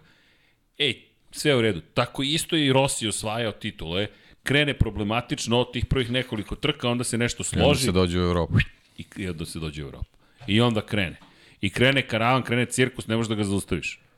Šta god da imaš, Hondu, Ducati, biraj, pri čemu jeste, tu smo na miru i mislim da samo kratko treba da se zadržimo, mir, peh, to se događa, ali ono što je poseban problem, zašto ističem i ostale vozače, Enea može da pobeđuje, Aleš može da pobeđuje, Rins još ne pobeđuje, ali ako još i on počne da pobeđuje, tu može da nastane, čini mi se, problem za Mira, jer onda ne može da čeka, na primjer, uslovno rečeno, ne kažem da to čeka, ali da čeka peh, na primjer, ne znam, jednog od vozača. Sad moraš da čekaš da četvorice imaju lošu trku. Da. To je ono što je pa, problematično. Znaš kako, ti, ti u ovoj situaciji imaš jednog kvartarara koji je dominantan, definitivno, znači ja, ja u trku Portimao svrstavam ovaj, uz rame sa prošlogodišnjim Herezom do, do, do kompartmenca. Do probleme, tako, tako je. do problema. Ovaj, znači imaš, imaš vozača koji onako pokazuje da zaista može da dominira i onda imaš vozače kao što su Rins i Mir gde ti ne smeš da dozvoliš velike oscilacije kao što, što Bastianini ima i kao što Aleš trenutno nema i mora tako da nastavi. I onda, onda može, možeš da ostaneš onako o, o, prilično o, u interesantnoj i zanimljivoj borbi. Mislim na Aleša i na Eneo, pre svega. Da, ali Mir, eto, nekako koliko god da je hteo tu jednu sezonu u kojoj idemo, idemo, idemo, idemo, idemo, ovakve stvari se dešavaju. I promeniti pristup. Tako da i za njega bitno ovih narednih nekoliko trka šta će da uradi, ali možda će morati da pojuri negde pobedu, ono što se videlo, da se se ovde otvorila vrata, da, išao bi i bio agresivan u prvom krugu. Bilo je dobro, krenuo je agresivno, ajmo da pokušamo da pobegnemo. Pa dobro, to je bila ta uspeo. taktika. To je to. Ostanem prvi i, i to je to. Da, da, nije, da nije bilo takvog kvartarara, potpuno, on je mogao da se bori za pobedu. razmišljanje. Tako je, da, da, tako je, da. tako ne, super je sve, da. stvarno je Jel sve ni, dobro odradio. Niko, niko zbog prethodnih izdanja nije mogo da očekuje, ni, ni, ni u odnosu na kvalifikacije, niko, mo, niko nije mogo da očekuje tako kvartarara. Da, a još mu se pride poklopilo tako ovo. Je. I ovo što je Mir ostao bez bodova, kao što si lepo rekao, koliko god i Aleš sada napredo i Bastianini. Aleš i, i Bastianini moraju da ostanu negde levo otprilike. Ovde imamo svetskog šampiona Fabio Kvartarara. Imamo Aleksa Rinsa koji luta. On je negde u, orbiti. Još čekamo da imamo gde će da dalje zauzeo geostacionarnu, ova dvojica su znamo da mogu da postignu i pobede i bit će zanimljivi. Jedina osoba koja je svetski šampion i koja tu deluje dovoljno konstantna je Joan Mir. Zašto jedina? Gde su Mark Marquez na fabričkoj Hondi i Peko, Francesco Peko Banjaja na fabričkom Ducatiju? Opet ih nije bilo. Da, ali, ali znaš ti kad, kad porediš uh, Rinsa i Mira, uh, uh, bez obzira što Mir ima tu uh, uverljivu konstantnost, uh, Rins je čovek koji uh, mislim da odlučnije može da zgrabi pobedu. Čovek brzine. Meni on, on odlučnije, odlučnije može da pobedi. E, to, to je njegova prednost u ovoj situaciji pod uslovom da ostane konstantan to, to. i da Zato završava trke. Zato ti kažem, djeluje mi da, kao i dalje da, lutajući da, element, da. da vidimo da li si stabilan dovoljno. Ako si dovoljno stabilan, Rins postaje veoma opasan. Ali do tada, gde su Banjaja i Marquez? Opet Banjaja, katastrofalna priprema za trku, opet problemi, pa pad, pa čudni izbori, pa nisu prošli u Q2 deo kvalifikacije. Da, padala je kiša u prvom i u drugom i u trećem treningu. U trećem, u prvih a, 20 minuta i su bili najbolji uslovi. Ko je tad izašao, prošao je dalje. Ko nije, nije prošao direktno u Q2 i onda počinješ da rizikuješ. Gume za suvu u momentu kada ništa nije spremno, padaš, problemi, nije polomljena ključna kost, ali problemi. Srećom, da. Srećom, zaista srećom. I fantastična bitka, ali u tradicionalnom duhu Francesca Banjaje. Kada više nije bitno, bit ću najbolji. Sa sačelja s poslednje pozicije, 24. bio bi 25. Raul Fernandez, nažalost, nije vozio, isto zbog zahvaljujući povredi. Držimo mu palčeve za puno poravak, ali dolazimo do toga da je na kraju bio osmi, super, sve je fantastično odvezao gledam ih kako se probijao i kako krugovi padaju. Prosto padaju tamo negde do osmog kruga i to se stabilizuju i onda opet ih spušta od 14. I sve to izgleda prilično dobro i onda opet... Da. Ali, ali evo ti, ovo je nešto što smo videli kod Zarka.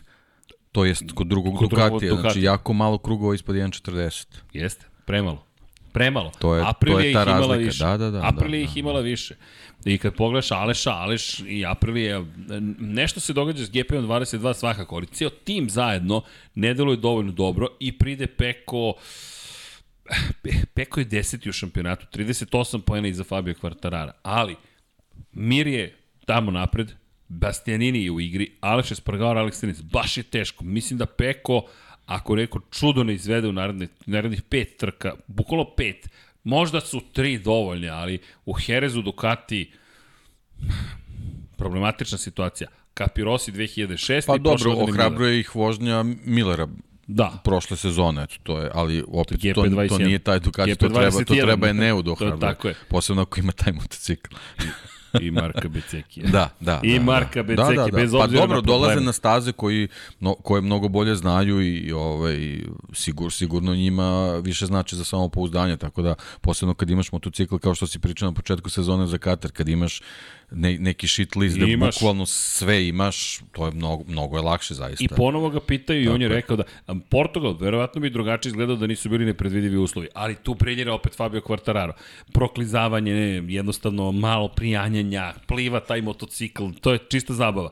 I što me dovodi do zapravo Marka Markeza, čudni slučaj Honda i Marka Markeza. Mark Markez koji je posle onakve vožnje u Koti, znali smo da neće biti onako dobar, nestao.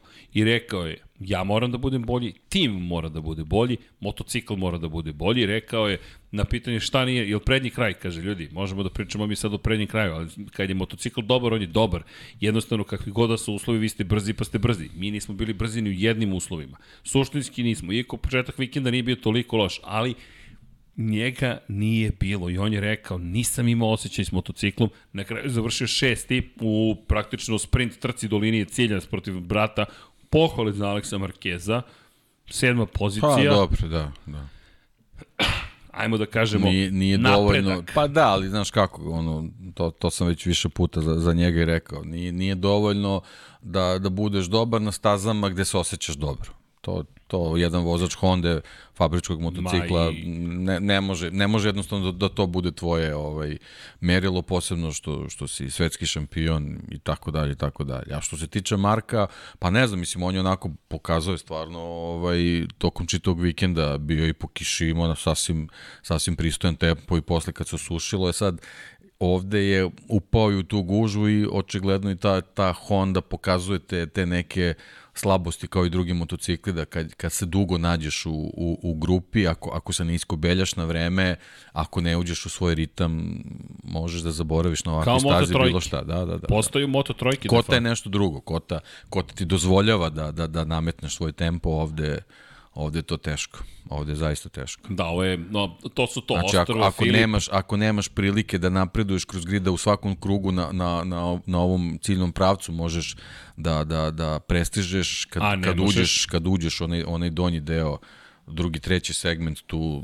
Pa, moraš tu, da se baciš pred pa čoveka pa da, tamo ne, u desetoj krivini to, to, to se na takvim mestima ne, ne da nije preporučljivo, nego jednostavno... On je čak i rizikovao da. tokom trke, on je, je čak i rizikovao, ali suštinski to nije bilo to. Da. I Honda A videlo ostaje... se, videlo se, eto, bukvalno taj, taj poslednji krug je pokazao taj izlazak na startni pravac, koliko je teško odlepiti se i, i praviti mnogo bolji izlaz od ostalih. I zato je u stvari i Fabiova trka bila ovoliko dobra, jer on je očigledno u svakom segmentu ovaj, baš se bukvalno od krivine do krivine postavljao i, i, i, i iz tog razloga napravio taj nenormal, nenormalnu razliku i taj fantastičan tempo koji je imao na kraju dana kada pogledaš ta, to vojstvo to je, na početku to je opet daje, bio, to da. je to. Ili jednostavno moraš da uđeš u svoj ritam. Ako, ako, ako moraš da, da dve trećine trke ovaj, pratiš tuđi ritam, nema, nema od napretka ništa. Ej, a... Zato je između oslog, ako može da služi kao opravdanje, zato je Miller morao da proba ono da uradi protiv Mira. Ma ne, Jer da nije to uradio, ostao bi zakucan iza njega, a Mir bi možda u finišu trke čak dobio priliku da, da povjeri Zarka. Pa to je ono što često pričamo za sve vozače. Dakle, bio to Jack Miller, bio to, ne znam, Mark Marquez, bio to neko peti. Ljudi, morate da rizikujete. Pa da, ali kompjuteri su oni. Vrlo oni lako iskalkulišu, pametni su to momci, inteligentni. Lako on iskalkuliše šta u nekom trenutku treba da uradi. E sad, naravno, doza rizika uvek postoji, nekad prođe, nekad ne prođe. Naša je spekulacija je trokraka. Prvo. Da li je, da li je tu bila neka barica, pričat ćemo o baricama na stazi, A, da li je nešto šta je bilo, da li je, da li je samo za kilometar bio brži pa se sklopio taj prednji kraj, to sad, na pa, njima je da analiziraju ja, to. Pa, kažem, da. to trokraka, pr da. prvo Mir koji je odličan ulazku u prvu krivinu, drugo, bježi su i dugo u zavetrini, da li je da. možda prednja guma mislim, malo ne, Mir odličan, pregrejana. to što si rekao, mislim, videlo se koliko nervanje imao na, na, na kočanju svaki put pred, pred ulazkom u prvu krivinu, on je, on je savršeno ulazio u tu krivinu svaki put. Nije bio problem, to da. je samo bitka, ali ne postoji problem. Da. I treća stavka, to je to što Jack Miller nije imao naj, naj, naj, naj, najbrži Ducati. Da. Tih par kilometara na čas. Da. I, koji imao Zarko. Koji imao Zarko koji je imao Zarko, bukvalno. I onda ti se desi ono što se desilo, ali, ej, ljudi, ovo je igra detalja, ovo je fi, finesa igra i prosto tako se na kraju završilo. Ali nas to vraća opet na Markeza Banjaju, u sklopu najave, mi sad idemo u Jerez. Marquez nije neraspoložen bio. Rekao je, ljudi, mi sada moramo da uradimo dovoljno dobar posao da se uključimo praktično u borbu za titulu šampiona sveta. Jerez, koliko god da mu je doneo muka, time što je, jel te, zadobio tu strašnu povredu pre dve godine, u toj trci do te povrede je odvezao manje više igricu, kao i u Americi pre, pre koliko, sada dve i po nedelje. Dakle, u tom momentu on je samo prolazio ovako ljudi, kao da se igra sa njima, Ne znam da li nešto slično može da ponovi, ono što je problem opet ruka, ovde će biti dosta opterećena. Predominantne su krivine u desno, uključujući tu najsnažniju tačku kočenja. Jel imamo najsnažniju tačku kočenja? Biće, to mi reci Vanja. Dakle, imamo, to je šesta krivina, krivina koja se sada zove Dani Pedrosa, je tako? Promenili su ju Dani Pedrosa, bio je dry sak, to se isto menj, menjaju se krivine, da vidjet ćemo koja će se još promeniti, ali činjenica je da, da i posle, tu... Da, i posle tog snažnog kočenja koji tako zahteva fizičko angažovanje sledi jedan splet koji takođe I, ideš desno, nije baš ovaj jednom ideš u levo i onda ideš da. desno, desno, da. desno, desno i onda skreneš levo i onda odeš da. tamo napred, desno, desno, pa da, levo, ali levo, to levo desno. što skrećeš, to isto je jako zahtevna krivina koju jako dobro Jeste. moraš da prođeš da bi se spremio za, za one sledeće desno. Zadnji kraj da. počinje tu lepo da, da se šeta, tako da, da. imamo baš ozbiljan splet krivina u Herezu, vidjet ćete kasnije gde ću da izletim, zapamtite te pozicije, to ja namjerno radim da bih vas bolje pripremio za trku koja dolazi u nedelju. Inače, Dragička, recite, vraćamo se redovnim stanjima iz perspektive Moto Grand Prix, zašto? Mnogo pitanja je bilo zašto se stalno menja startni pordek, to jest zašto ide jedna trka, pa druga trka, pa treća trka, poklapalo se ili sa Formulom 1, se po... inače idemo u prelepu Andaluziju. Ljudi, ja ne znam da li bi trebalo pre da najavimo Jerez ili Andaluziju. Ko može Andaluziju da podsjeti? Pravac Sevilja. Ljudi, e, u Sevilju idite, idite u Granadu, idite u Alhambru, ne znam, idite gde god možete, Zlatnu obalu posetite. Andaluzija je jedan od najlepših predela Španije. Verujte, kao Španija, ona naj, naj možda kako bih to mogao da kažem, najklasičnija. I probajte ajde, tako čuros. Da se svakako, probajte, čeri probajte, to je šeri, oprostite, šeri probajte, probajte vina, gde god, konji, ne znam, šta god volite, muzika, flamenko, baš je prava, prava, prava Španija. Tako da, da se vratimo mi na priču o tome šta ćemo imati. U nedelju trke, poslušajte ovo, 11 časova Moto 3 kategorije, 12 i 20 Moto dvojke, 14.00 Moto Grand Prix, najzad se vraćamo kući, ovo je onaj, onaj, onaj, onaj, onaj raspored koji želimo, poklapalo se s Formulom 1, pa smo bili na nekim drugim kontinentima, pa se sve to nekako tako uigravalo, pa malo Moto trojke idu poslednje, pa malo Moto dvojke, ali sada jedan klasičan trkački vikend, još pride neradni, ne, dani su ponedeljak i utorak, dan I rada. I što je najvažnije, možda idemo u Herezu neko normalno ovaj, vreme, u period tako godine, je, a ne kao pre dve godine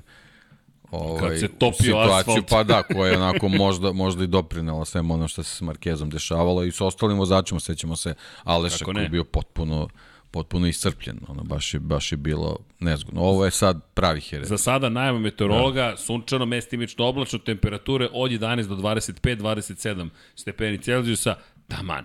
Atmosfera, dakle, spoljnešna temperatura biće nešto, biće baš prijatna, ali temperatura staze mi očekujemo malo preko 40 stepeni Celzijusa. Neće biti 70, ne znam nija koliko je bilo, 62 stepena, mislim da je bilo pred početak trke pre par godina. Tako da, Jerez u pravo mesto, pravo vreme i iako je Portugal otvorio evropski deo sezone, ovo će biti ono pravo što smo čekali. No, da se vratimo mi vozačima, dakle, kada pričamo o stazi, Marquez svakako će biti interesantan za praćenje, neće biti lako, ali za njega on je sam rekao, nijedna trka više neće biti laka. Banjaja, međutim, gde da traži sreću sada, to ono što ne znamo sa GP-om 22 šta će biti u Herezu, pogotovo kada gledamo ka Fabiju, kada gledamo ka pa i Suzuki-u. Ajde da vidimo taj Suzuki. Da li Suzuki ovde može da obori snagu, samim tim potrošnju goriva i samim tim da bude interesantan kroz krivine i na čuvanju guma. To je ono što mislim da bi moglo da se desi. Da, ali Jerez zbog, zbog same konfiguracije staze do te šeste čuvene krivine koji si rekao, jako su važne kvalifikacije. E, I start trke. To, to, to, to, to, to, to je malo pređešnje. Da. Gde će biti jel, Bastianini, gde će biti svi. Pozicije iza trećeg startnog reda u Herezu znači ozbiljnu gužu u prvoj krivini. I to je nešto što je jako nezgodno za, za, za čupanje i, i za ovaj za uzimanje do, dobrog poredka do te šeste krivine koja te vodi u pripremu za, za drugi krug. Tako da jako, jako važno da, da ovaj obojica ovaj ponove kvalifikacije kakve Mir imao u, u Portimao. Pre nego što skočimo na, na KTM-ovce koji su ipak i ostvarili rezultate, makar jedan, ali Hondu bih samo malo još protresao i nekoliko padova, a to je pre svega Pole Spargaro, ponovo je ni na nebu ni na zemlji, ne znam. Loši je bio od Aleksa Markeza, loši je bio od Marka Markeza, Takaki na Kagami na kraju bez bodova, Honda se i dalje muče, Honda i dalje šesta u šampionatu konstruktora. Ponovit ću još jednom, od šest proizvođača, Honda je šesta u šampionatu konstruktora, 62 boda iza Ducatija, 62 boda iza Ducatija. Ljudi, to je zastrašujuće. 26 bodova iza Yamahe u ovom momentu i najbolji plasman ostaje treća pozicija s početka sezone Pola Espargara. Jedini put kada smo Hondinog vozača videli na pobedničkom postolju bilo je tada. Katar je već sada pred skoro dva meseca bio. Dakle, mi govorimo o katastrofalnom ponovo periodu za Hondu. Hoće li pobediti Honda? Da. Znaš, ne, ne znam. Hajde da vidim. Ne, po, poseban problem sa Polom je što on je potpuno nevidljiv bio čitav vikend i to nije prvi put da se dešava. Kao, kao da nije bio na trci, mislim, ono da, da, ga, da ga s vremena na vreme nije bilo u kadru, zaboravio bi da je uopšte tamo. I to, to, su, to su veći problemi. A e, ipak njega, si na repsu on Honda. kameru ne privlači. Da. Znaš, on da. nijednog momenta nije uradio nešto da ti kažeš, u super, ajmo da vidimo znači, Pola njegova, njegova, njegova pojavljivanje u kadru je otprilike kao kad imamo neke uh, uh, neke vozače koji menjaju zvezde, tipa kao što smo prošle godine imali Gerlofa ili nemam pojma, Bradl kad se pojavio kad je menjao Markeza da se vratimo u Hondu, ovaj, a ti si ipak čovjek koji onako stalan vozač tu, fabrički vozač jednostavno ovaj Repsol Honda nije, nije baš ekipa koja, koja je navikla na takve situacije da, da se vozač praktično ne pojavljuje u bilo kakvoj priči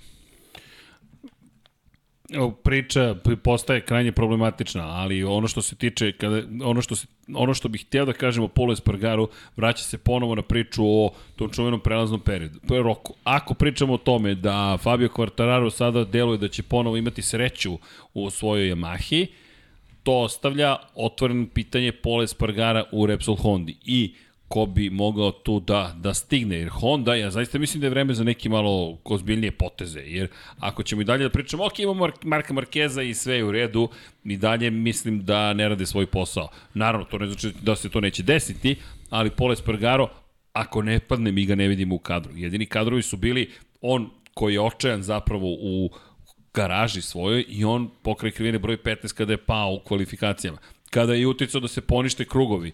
Dakle, tu smo videli poništenje krugova što Marko Markezu, što Fabio Quartararo, Fabio to nije omelo. Marko Markeza, a, možda i jeste, ne znamo, ali mislim da bi sa četvrte pozicije bilo malo drugačija trka za Markeza. Pa dobro, to je nekako situacija, ovaj, da, vidjet ćemo, to izgleda malo češće ovaj, ove godine, kao i u Formuli 1, što dosta crvenih zastava vidimo, tako da biće, biće dosta tih poništavanja krugova, to je nešto na što vozači sad moraju već da računaju.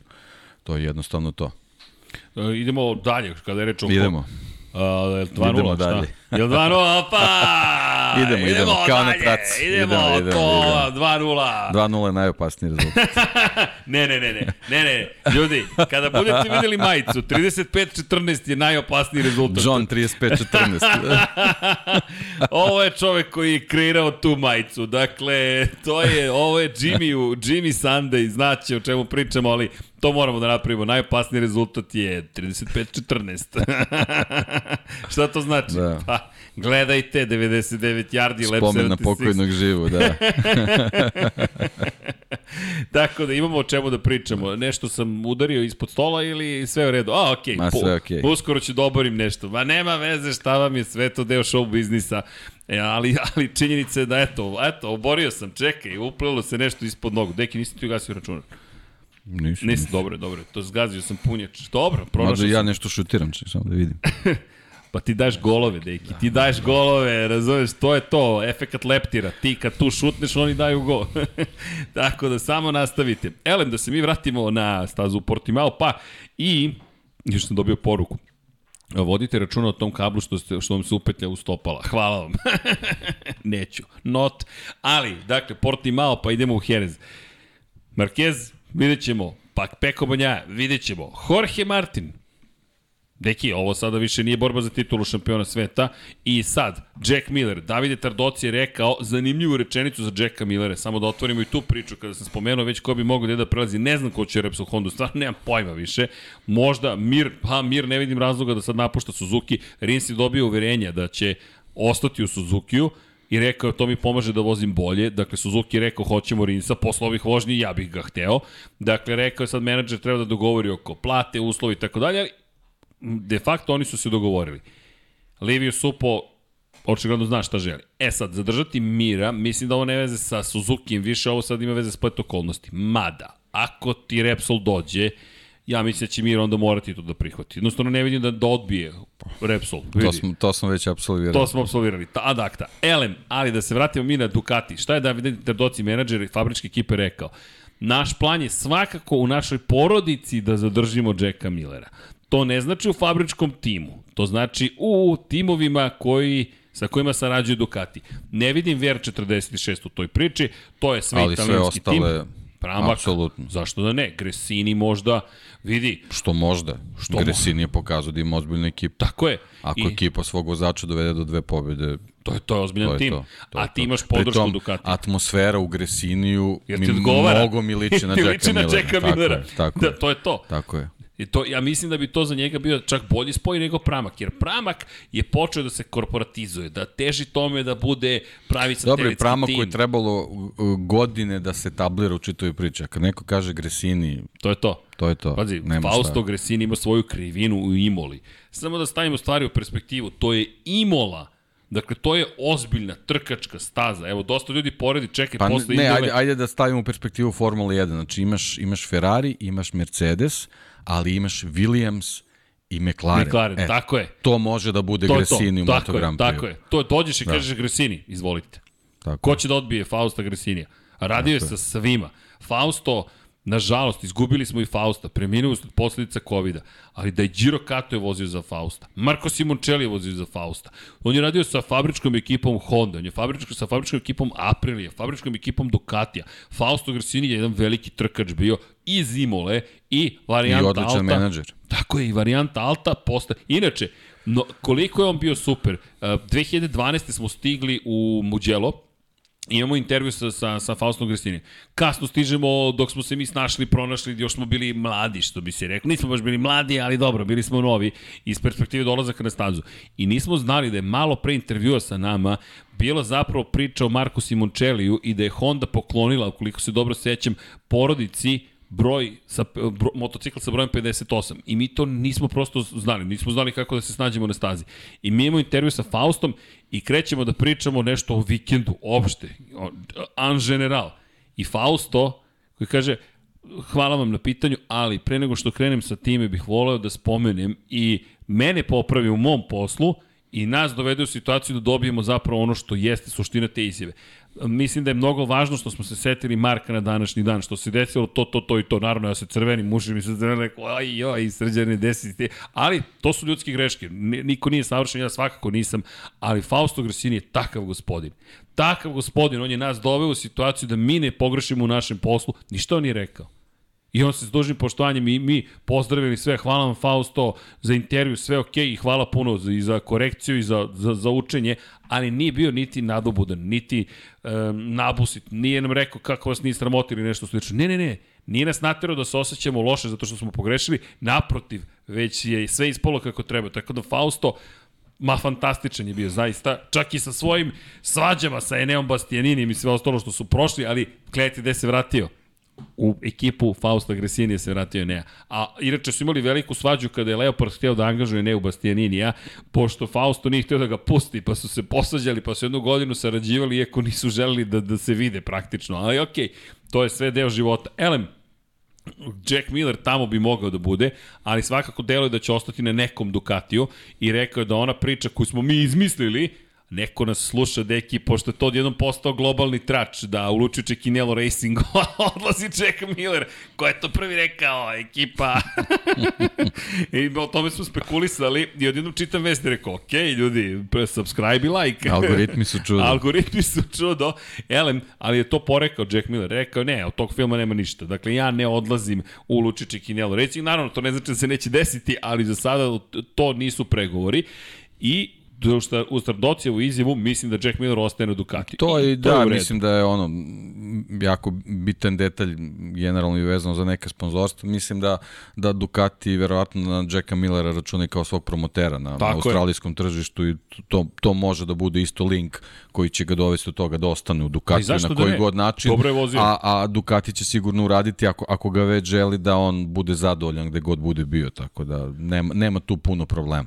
Vidi, i dobro je vozio čovjek. Da. Stvarno je Pri dobro tom vozio. vidi se da je onako otvorenih pogleda, svestan je on situacije i samo će sebi da olakša ako pristane da, da ako dođe do, do, do, ne, realizacije nekih transfera van fabričke ekipe Ducatija, a da, a da dobije fabričku mašinu, neće on imati problem s tim. Izvini, neki pre što koleginici ispadne iz stolice u pokušaju da vidi šta se događa za monitorom, je li toliko uzbudljivo ili Viktorija.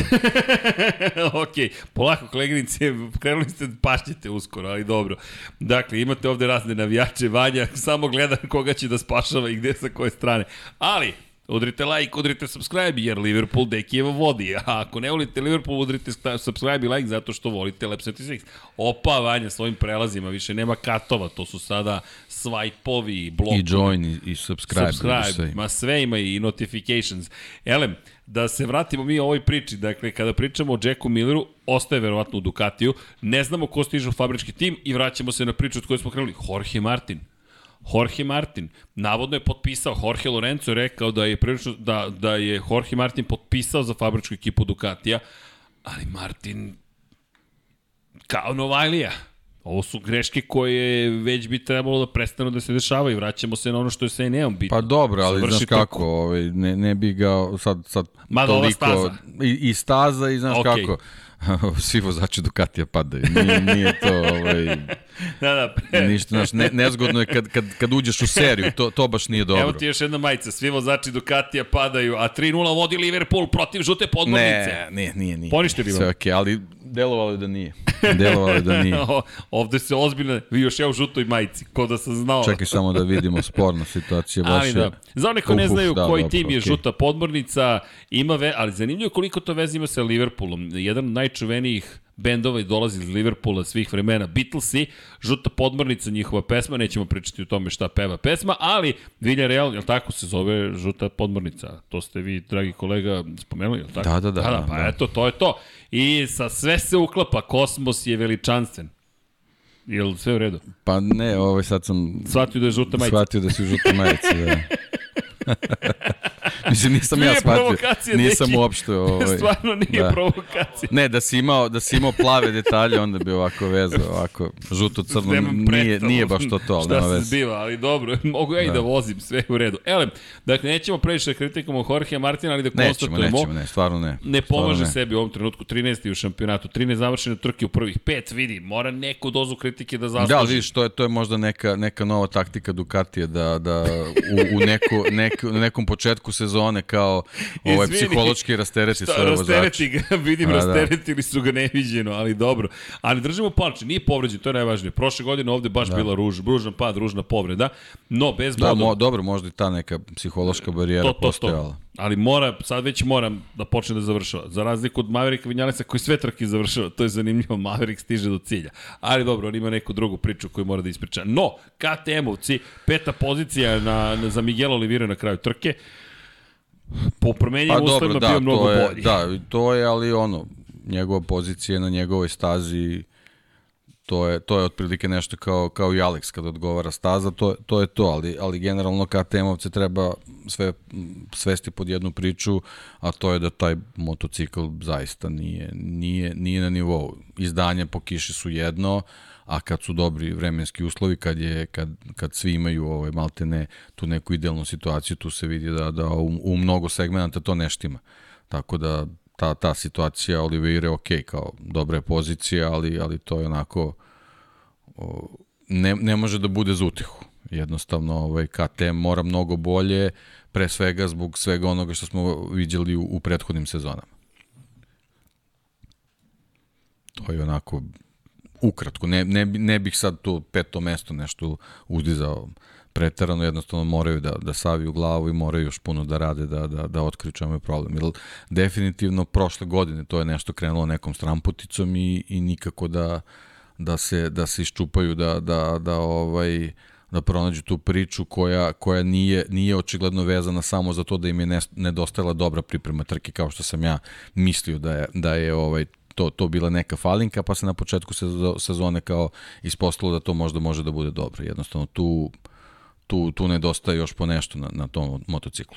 Pa da, i Brad Binder prvo trku da nije završio uopšte, tako da je bez bodova ostao opet ne bih nešto previše kritikovao, zato što je ovo ipak situacija u kojoj Brad Binder i dalje može da igra zaista može da igra određenu ulogu. 27 bodova zaostaje za Fabijom Kvartararom, meni to i dalje nevjerojatno zvuči kako je moguće da Brad Binder zaostaje samo za 27 poena za prvo plasiranom u šampionatu sveta. Da je završio ovu trku, da je osvojio 5 poena. Mi pričamo o čoveku koji je ispred Joana Mira sada u šampionatu. Tako da Brad Binder je magičan. Da, bodovi, bodovi kad tema su vozački kvaliteti vozača, obojice. I Oliveira i, i Bindera. Ovaj, tako da moraju, moraju da rade.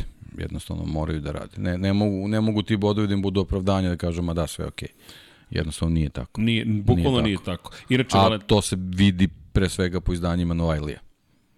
Jer njima, njima treba dobar motocikl. O, o sad si mi promenio temu, ali je super. Izvini, da. Ne, ne, ne, da. se izvinjati, dao si mi još bolji zapravo ulaz u novi tranzit, tranzicija takozvana, Novajlije, Marko Beceki, htio da kažem da Valentino Rossi prvi put bio na stazi kao šef ekipe, Marko Beceki nije nije, nije uradio ono što sam ja očekivao da, da, da bude fenomenalno stazi, ali 15. dodatni poen za Marka Becekija. Nažalost, Raul Fernandez povređen, pa nije vozio. Remy Gardner, međutim, nova dva poena za Remy. Remy je završio sve trke na KTM-u. Da. Evo tri poena. Ali, ali to je Remi voli Portimao i, I to je to, to dve pobede u nižim klasama, to je to moto dvojkama. Očigledno, sve što je KTM uradio na, na ovoj stazi je do vozača. Do, bukvalno da. do vozača, ti tačno vidiš da oni su Tako zapravo... da Jerez može, može da bude onako baš, baš grub šamar i moraju nešto da urade da se to ne desi. E, ima, apropo, ko on mora da uradi, Luka Marini takođe nešto mora da uradi. Ovo sada već postaje da simptomatično. Marini je 16. u šampionatu, pozicije 13. 14. 11. van vodećih 15. i sada 13. Ne, 12. oprostite ponovo. Dakle, ne, 11. je bio, pa nije završio među vodećih 15, pa sada je bio 12. Pazi, to je konstantno si najbolja pozicija ti 11. mesto, na GP od 22 uz svo dužno poštovanje, ok, ekipa ima da uči i tako dalje, ali ti si u kvalifikacijama stalno brz, oba, oba vozača su bila među u Q2, da. inače Becek je bio bolji od Luka. Pa da, ali dobro, to je to, znači imaš, imaš motocikla koji je brz, brz za taj jedan kvalifikacioni krug, ali, ali priprema za trku je nešto što očigledno neštima, može da bude do iskustva ekipe, ali, ali i vozač je tu da, da, da, da neke parametre pa da se to bolje pripremi.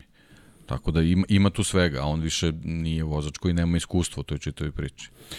U svakom slučaju, ja bih i dalje malo više, gled, više gledao. Marini nešto mora da učini u ovoj situaciji, jer i Francesco Banja izgleda mnogo bolje i Jack Miller izgleda bolje. Da, nema toliko iskustva, ali mi sada pričamo već o tome, dobio si najbolju verziju motocikla, druga je sezona i Jorge Martin je u drugoj sezoni i on pravi greške, ali opet kada završi trku, to je mnogo bolji plasman. Pri čemu Luka Marino, ono što je bilo fenomenalno kod njega u Moto2 klasi je čuvanje guma.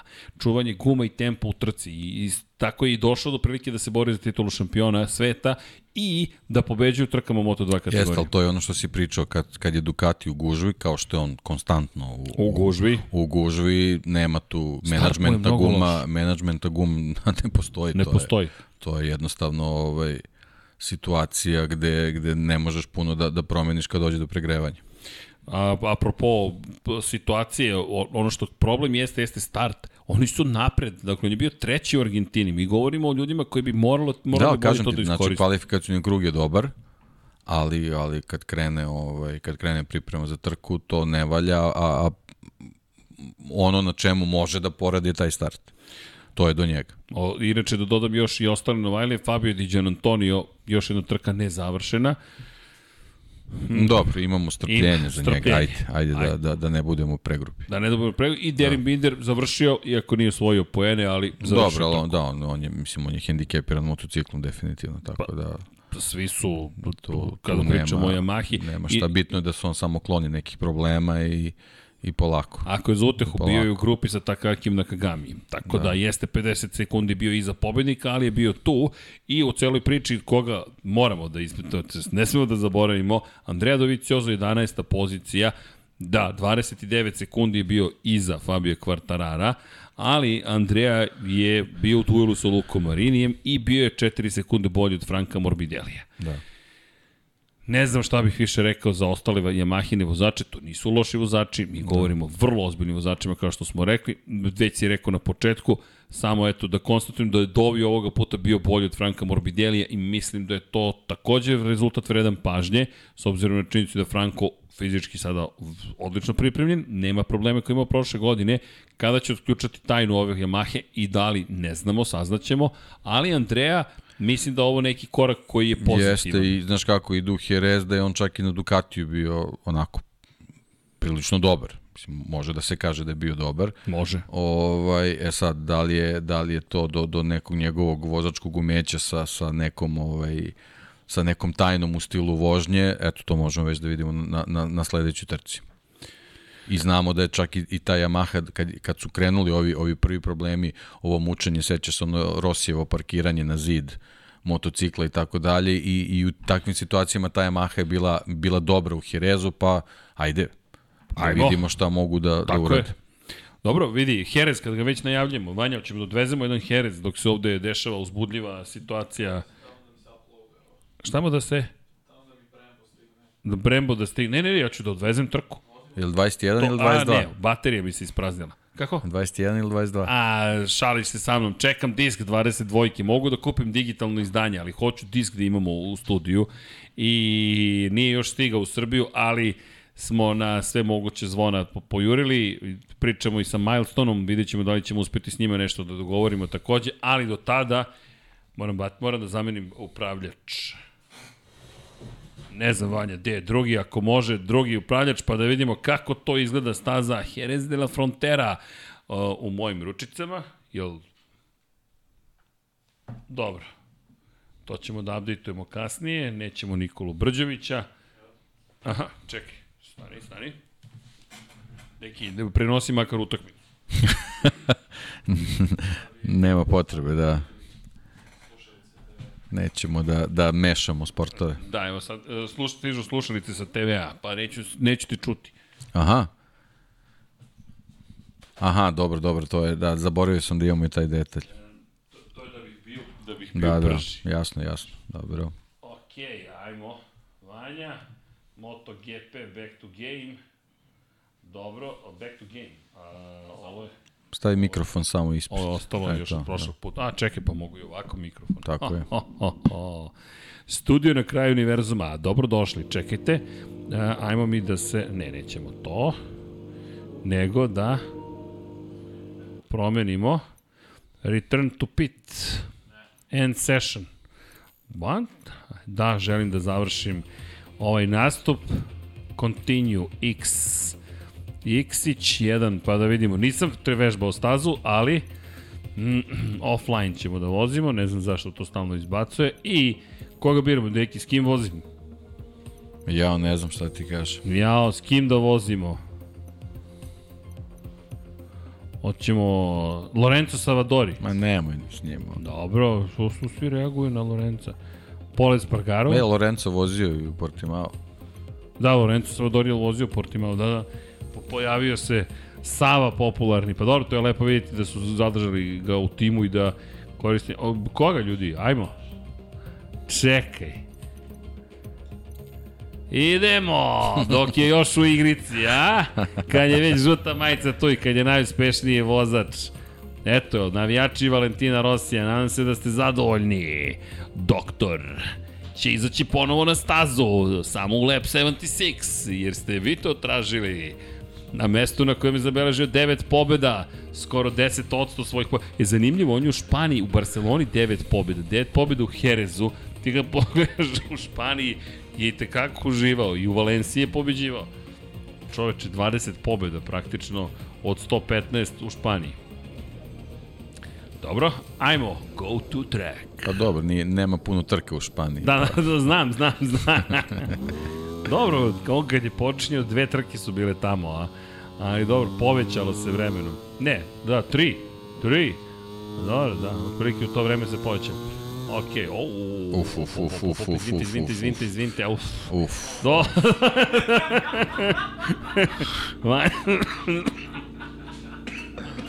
Vanja nije lepo da se tako smeješ, ali dobro. Dobro.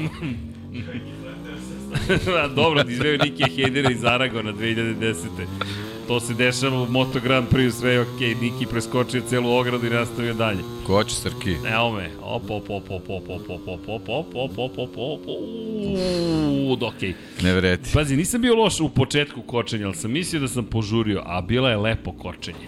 Progresivno. Dobro, dobro, dobro, bez brige, nemojte da brinete, sad ćemo doktor i ja da se Moraš da počne da kočiš čim čuješ da sam krenuo da izgovorim koče. Aha, aha, aha. Okej. Okay.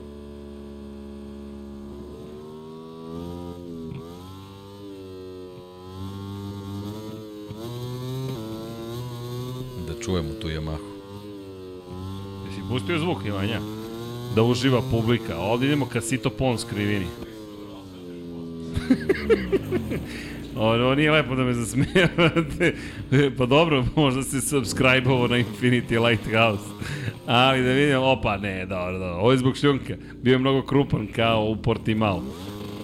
Dakle, videli smo da je problematična krivina broj, pamtite gde sam pao, krivina u Lorenzo, A sad kreće agresivna vožnja. Koči Srki. Kad mi coach kaže da kočim, a ja ukočim.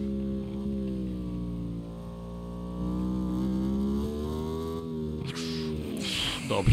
Dobro, dobro. Dešava dobro. A nisam se loše pripremio za tu brzu krivinu u levo. O njoj smo pričali, ovo je problematična krivina, kao što sam dokazao. Quad erat demonstrandum, QED. Onda još jedna brza krivina. Uf, dobro. Deki, zadnje kočice me pravi problem. Možda bi mogo da ih spojim.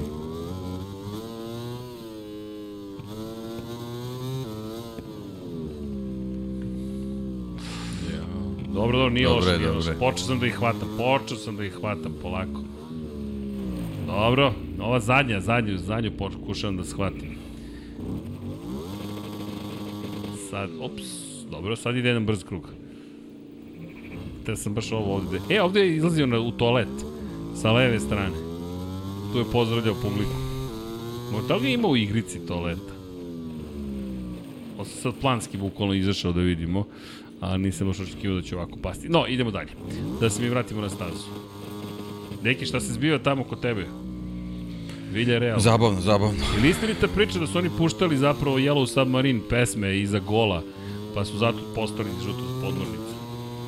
Pa ne znam šta je starije, Koka ili ja, da li su ne, ne, dresovi ili pesme? Ja koliko sam čuo, ne, žute dresove su imali jer nisu mogli da kupe bele boje dresove u Valenciji, pošto su oni severno od Valencije, severistočno od Valencije, nije bilo boja tamo 40 i neke godine, pa su, pa su kupili žute boje, a što se tiče žute podmornice, da su navodno počeli da puštaju iza svog gola pesmu i da je to tako nastalo. Po, može da bude, može da bude. Ne, nisam ovaj ne pratim lik i delo Valencije, osim kad je Diego Forlan, o, ovaj Villarreal, osim kad je Diego Forlan tamo igra.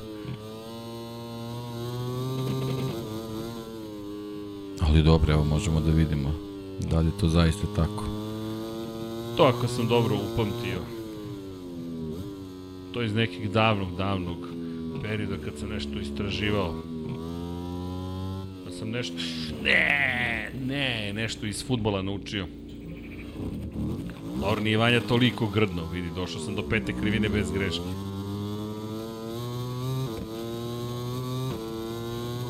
Šta, šta, šta, živi za potres u kojem ću odvesti jedan krug.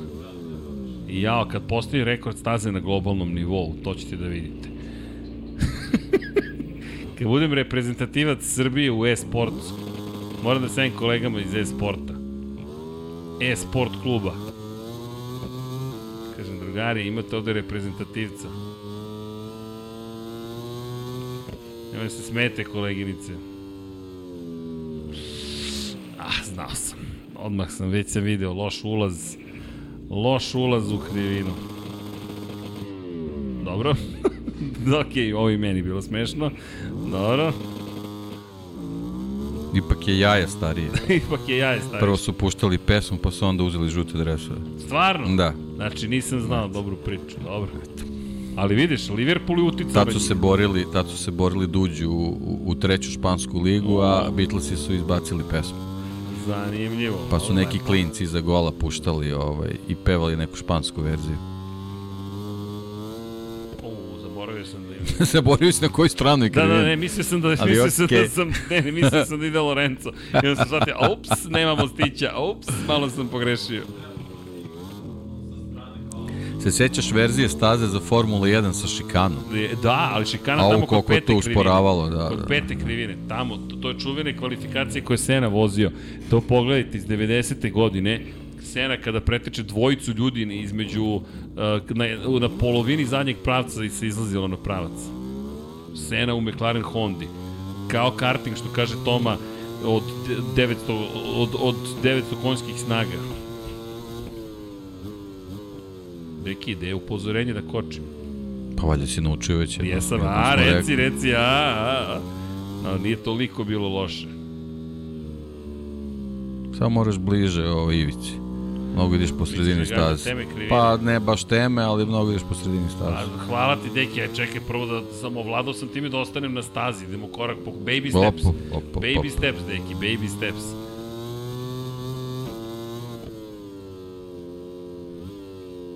E, ovde je bila šikana u levo. U da, desno. U desno. Da. Je li tako? Ne, ne, ne, ne, ovde. Ne, ne, ovo je... Ne, ne, ne. I ovde se izlazilo na pravo. A, ne, ne, ovde. Mislio sam na drugu, ne ovo. Malo sam zakasnio. Malo, malo, malo, malo, malo. Dobro.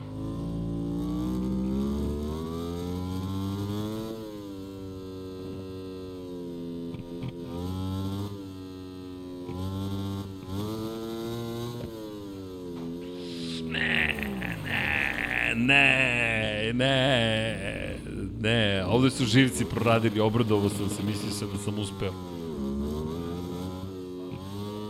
Kako? Nemojte tako ljudi, ali... Čekaj, okrenut sam na pogrešnu stranu. A, ups. Dobro. Dobro. Ajmo da se vratimo u podcast. da se vratimo mi na podcast. Dobro. Evo, dajte mi, jel mi dajte još jedan Jadan bale. Jel, koliko je? Koji je rezultat? Ma pusti rezultat, daj da živu glavu izvučemo s Jereza. Pazi, ja sad postavim sve bolje, a ti deki vidiš šta ćeš. Evo, teme, jesam pogodio teme. Ma bravo. Eto, tu se videlo ovaj kuda išla stara staza. Ne, ne, to je drugo. Pa drugo, drugo, za to sam mislio. To je drugo, to, to a to sam mislio si na kraj kruga. Da, da, da, e, to je baš kruga, da, za suludo usporenje bilo. Da, da, da, da, da, da.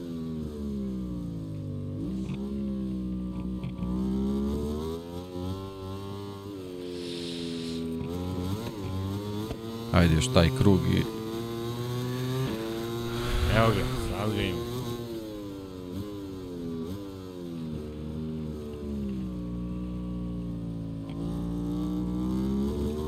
To ti kažem.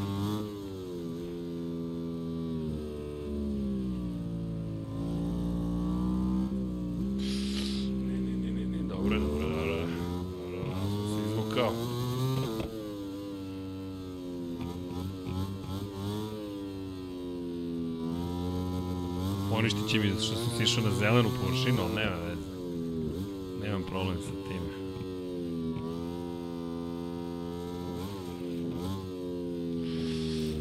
Ne. Dobro. Dao sam sve od sebe, dragi ljudi, ali nisam bio dovoljno dobar za ovo. Dobro, da vratim slušalice, stanite.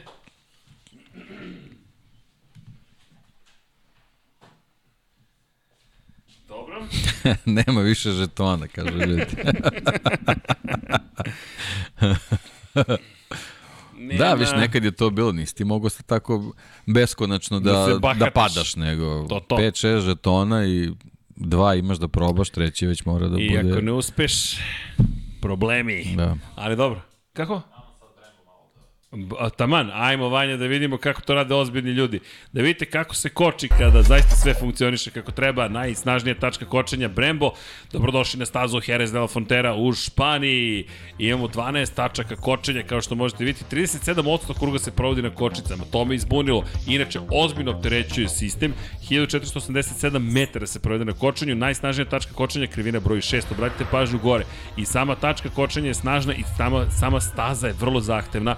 Skoro skoro 300 km na čas, nije najbrža staza, naprotiv, i onda gledamo, maksimalno opterećenje je, ne mogu da vidim od kamere, 5,9 kg i koliko bara, 12,7, da. zastavni put 238 metara, zaostavni vreme 5,4 sekunde, maksimalno negativno ubrzanje 1,5 sila zemljine teže i kao što možete vidjeti 68 km na čas je brzina kojom se prolazi kroz krivinu broj 6 Brembo, hvala im na ome, velika nagrada Španije u pitanju i videli ste ovo, više navrata. Prvo ovo moraš da gledaš, pa da onda pa da, zato sam, da, zato sam i grešio. Da. Zato sam i grešio. I ovde se vidi maksimalna brzina pred kočenje 299 km na sat. Jeste, ovo je staza da. koja ne spada u grupu najbržih staza, naprotiv. Ali znači, ovo ubrzanje će u stvari biti bitno. Tako je, ali ovo kultna pista, pista ljudi, ovo je mesto istorije, zaista. Inače se zove Angel Nieto staza, nije Jerez de la Frontera, to i svi zajedno grešimo često, ali mesto koje koje je bilo poprište velikih duela i između Marka Markeza i Jorge Lorenza i između Valentina Rossi i Sete Gibernala i između Mika Duana i Aleksa Krivijea. Tako da je ovde bilo svega, ljudi, i treba ovo gledati. Čuvena scena sa toaletom, zašto sam spomenuo toalet, to je čuvena proslava posle trke i pobedu 250 kubika Valentina Rosija. Moći ćete i to da pročitate u knjizi koja je otišla u štampariju. Dakle, ušao je u toalet, nestao. Publika koja je u jednom trenutku nije utihnula nemoguće to u Herezu, ali je bila malo tiša, jer odjednom gledaš vozača svetskog šampionata koji je nestao u toaletu pokraj, pokraj staze i odjednom izlazi i naravno salve oduševljenja. Valentino Rossi, međunarodno Tako se svetsko. gradio kult, da. Tako se gradio kult, inače je to ponovio par godina kasnije i onda je treći put to učinio kada je nastupilo COVID vreme, onda je otišao kada se popeo 199. put na pobedničko postolje, ušao je u taj toalet i, i to je isto neka romantika da, da se oprostio od praznog tribina, jednostavno znak vremena i rek, izašao iz toaleta i to je bilo po, poslednji put da je bio na pobedničkom postolju. I ima puno simbolike u Herezu, zaista treba pogledati stazu i mesto koje nekako zna da ima te procesije od trka ponekad, ali ako gledate detalje, zaista jedno fenomenalna staza i treba, treba zaista voditi računa kada se ode nju ko će tu šta učiniti. No, imamo mi još dve kategorije, ali ćemo pokušati malo brže da prođemo kroz njih, s obzirom na činjenicu da će uskoro da se završi utakmica, kao što sam najavio, da će se ne samo to analiza utakmice završiti, da ćemo ući u ponoć, da bismo stigli do ponoći ipak da završimo neke stvari. Deki, Čelestino Vijeti, to je to to? Dakle, osvajanje šampionske titule? Pa dobro. Ne, daleko smo od daleko toga, smo od toga, kako da, je krenulo... Pa dobro, eto, da. Da. Poklapaju se kockice. Inače, ono što pričamo, sreća. Sreća. Inače, da napomenemo, strašan incident. Par stvari. Prva stvar, čestitke Joe Robertsu na pobedi. 25 pojena to je prva i najvažnija stvar. Svi su bezbedno na kraju konačno završili tu trku, ugruvani, ali bezbedno, čak i Sam Lowe's koji ima baš ružan pad, rekao je sutra ujutro je tweetovao, osjećao sam se i bolje nekim drugim danima u tipičnom britanskom maniru, humor na nivou, bar humor koji nama nekako odgovara, ali čestitke Joe Robertsu. Baš se dugo, dugo čekalo da jedan Amerikanac zabeleži pobedu i s te perspektive bilo je lepo videti prosto da neko iz Amerike, iako smo očekivali već da će to biti Cameron Bobije, koji inače bio u bici za pobedu u ovoj trci pre incidenta koji je sve promenio, Joe Roberts iskoristio svoju šansu i baš mi je ličio, moram ti reći, na Neu Bastianini u kom kontekstu. Ital Trans ponovo, ponovo restart i ponovo jedan agresivni vozač kaže ovo je moja trka, ide pun gas, pa vidjet ćemo šta će biti i svi su slavili i American Racing za koji je vozio, svi, svi, svi zaista i lepo je bilo prosto vidjeti ga na, na, na vrhu pobjedničkog postolja, sada je i četvrti u šampionatu sveta. Ne bih odjednom pričao Joe Robertsu kao kandidatu za titulu, ali... Pa ne, bravo, bravo i ono, bravo. opet nastavak priče, on je prošle godine pokazao da ume da vozi na ovoj stazi i jednostavno složile su mu se Tako te je. ovaj, malo neobične kockice i zašto ne, ne zaslužena pobjeda, mislim on je onako isto imao malo zadršku, mislim da je, da, ono, da, da je sve bilo kako treba, da je, da je na taj način zabeležio pobjedu, da bi eksplodirao od sreće ili ovako, mislim bio je bio je naravno zadovoljan, jer i on probio eto taj, taj neki, neki led koji ga je mučio, tako da ovaj, eto, možda, možda će ovo biti znak da ćemo dobiti boljeg Joa i, i bolji Ital Trans koji nešto stvarno ovaj, to nije ni nalik ekipi koje, koju smo imali. Ni, nije, da. to je neki drugi Kao da su tim. zadovoljili Titulom. Titulom da se tu izduvali malo onako kao, kao baloni neki, ali evo možda će sad ova pobeda malo i njih da podigne, da, da podrže malo svoje vozače koji definitivno imaju ambicije za, za, za bolje plasmane od onoga šta, šta mogu da dobiju sa tim motociklima, tako da eto, zaslužena pobeda, nema šta. Inače, ovo se nekako uklapa kao uvod u priču o Moto2 kategoriji. Ko nije gledao trku? Ljudi, ja stravični pad, ne sećam se da smo videli pre čemu, pa je ja u tom trenutku prenosimo, komentarišemo Formulu 1 i na drugom monitoru pustimo trku Moto 2, šok, ne šok, nego samo kad će ovo da stane, ka, kad će ovo da stane, pri čemu uleću u prvu krivinu i redom padaju. Ka ne, Bobije, Somkjet Chantra, Ayo Kura, nema ko nije pao, samo padaju, padaju i padaju, Sam Lowe's, Jake, ne, Jake Dixon je posle pao, inače njega je sustigla kletva komentatora iz Velike Britanije koji su rekli Jake Dixon u ovoj situaciji u restartu ima savršenu opciju da zahvaljujući iskustvu iz britanskog superbajka pobedi u ovoj trci. Prva krivina ponovne trke, Jake Dixon i sami komentatori naše kolege iz Britanije i to je klasična kletva komentatora. Tako da, nismo, ne, ne radimo to mi, to na globalnom nivou zavere komentatora da obore vozače. Elem, šalimo se naravno. Poenta jeste u tome da i imamo sjajno, imamo pitanje koje se uklapa na, na, na, na, u sve ovo i Nikola pita, dakle, pod jedan, da li je u redu imati Portimao u Moto Grand Prix prvenstvu zahvaljujući ogromnim i čestim prevojima, ne kažem ovo zbog pada u Moto 2 kategoriji, pak, jer na nekim mestima tipa krivina 8 se ne vidi ispod prevoja, deluje mi preopasna za motore. Možda je Storil da se vrati ukoliko je to moguće. Što se tiče Storila, sumnjam da će se vratiti, investirano je u Portimao, Portimao je mnogo novija, ima homologaciju, da sad se bave Storilom da bi ga ponovo vratili na nivo neophodno svetsko prvenstvo, mislim da je prevelika investicija. Mogli ste da vidite, nažalost, tribine nisu bile ispunjene u Portimao, čak ni sada ne možemo da napunimo tribine, iako je prošao COVID, ljudi su željni sportskih događanja, da li bi u Storilu bilo bolje? Ja mislim da bi, iz perspektive toga što je bliže Lisabonu, ali da li će se promeniti? Bojim se da ne. To je prva stavka. Što se tiče same staze... Uh, ako samo mogu da dodam vezano za da. to, mislim da je mali problem u taktici što su Portimao i Jerez suviše blizu.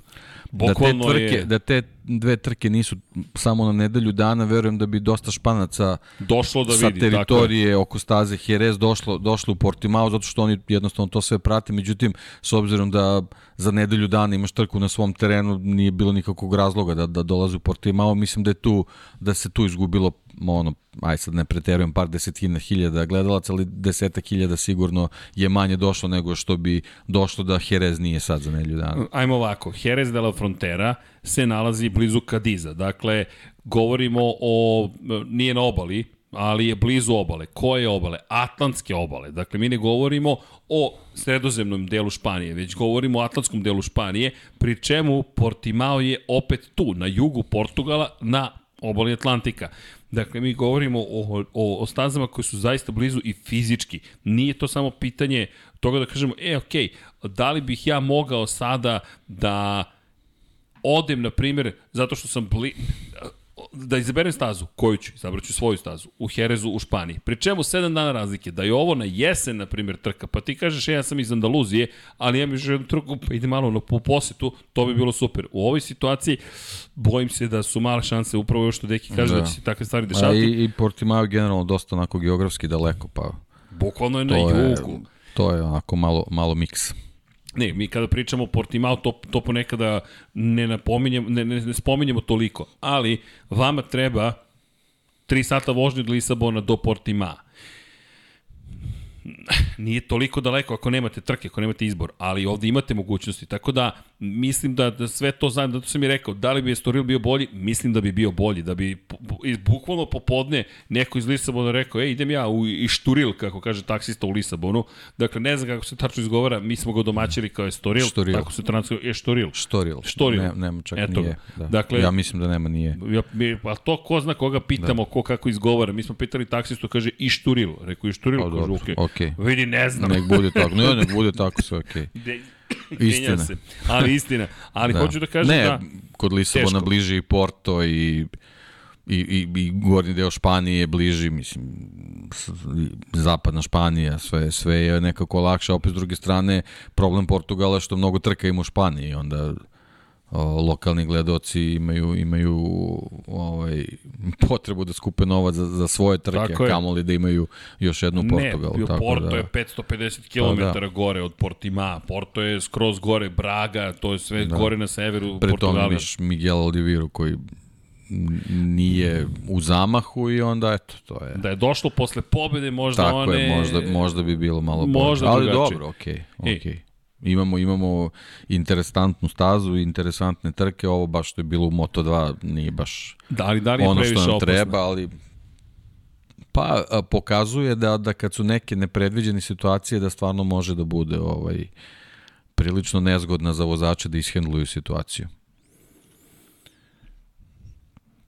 Posebno što se nalazi na, na, na, na takvom delu te, te atlantske obale, tu je ono promjena vremenskih prilika ravna Instant. Islandu, mislim. Bukvalno. U pet minuta možda imaš četiri godišnje doba. Pa, izvini, šta se ovo desilo? Da. Dakle, ovo da. se desilo za tijeli čas, praktično se promenilo. Pri čemu se ni ne vidi da. para na koju oni, po kojoj oni klizaju. Ali ne kliza jedan vozač, svi padaju. Dakle, tu nema prijanja, nije neko napravio grešku ili je bilo zahtjevno. Da, bilo je baš čudno u trenutku, a, a, a, incident traje da, da u stvari ustanovi šta se desilo i, i, i glavna ona, ona, one horor je što stvarno ti vidiš kako doleću motocikli, a, a ne vidiš da se vozači sklanjaju iz, iz, iz, iz šljunka, tako da stvarno je bilo onako prilično jezivo i, i, i drago mi je to što, što nije bilo tih nekih težih povreda.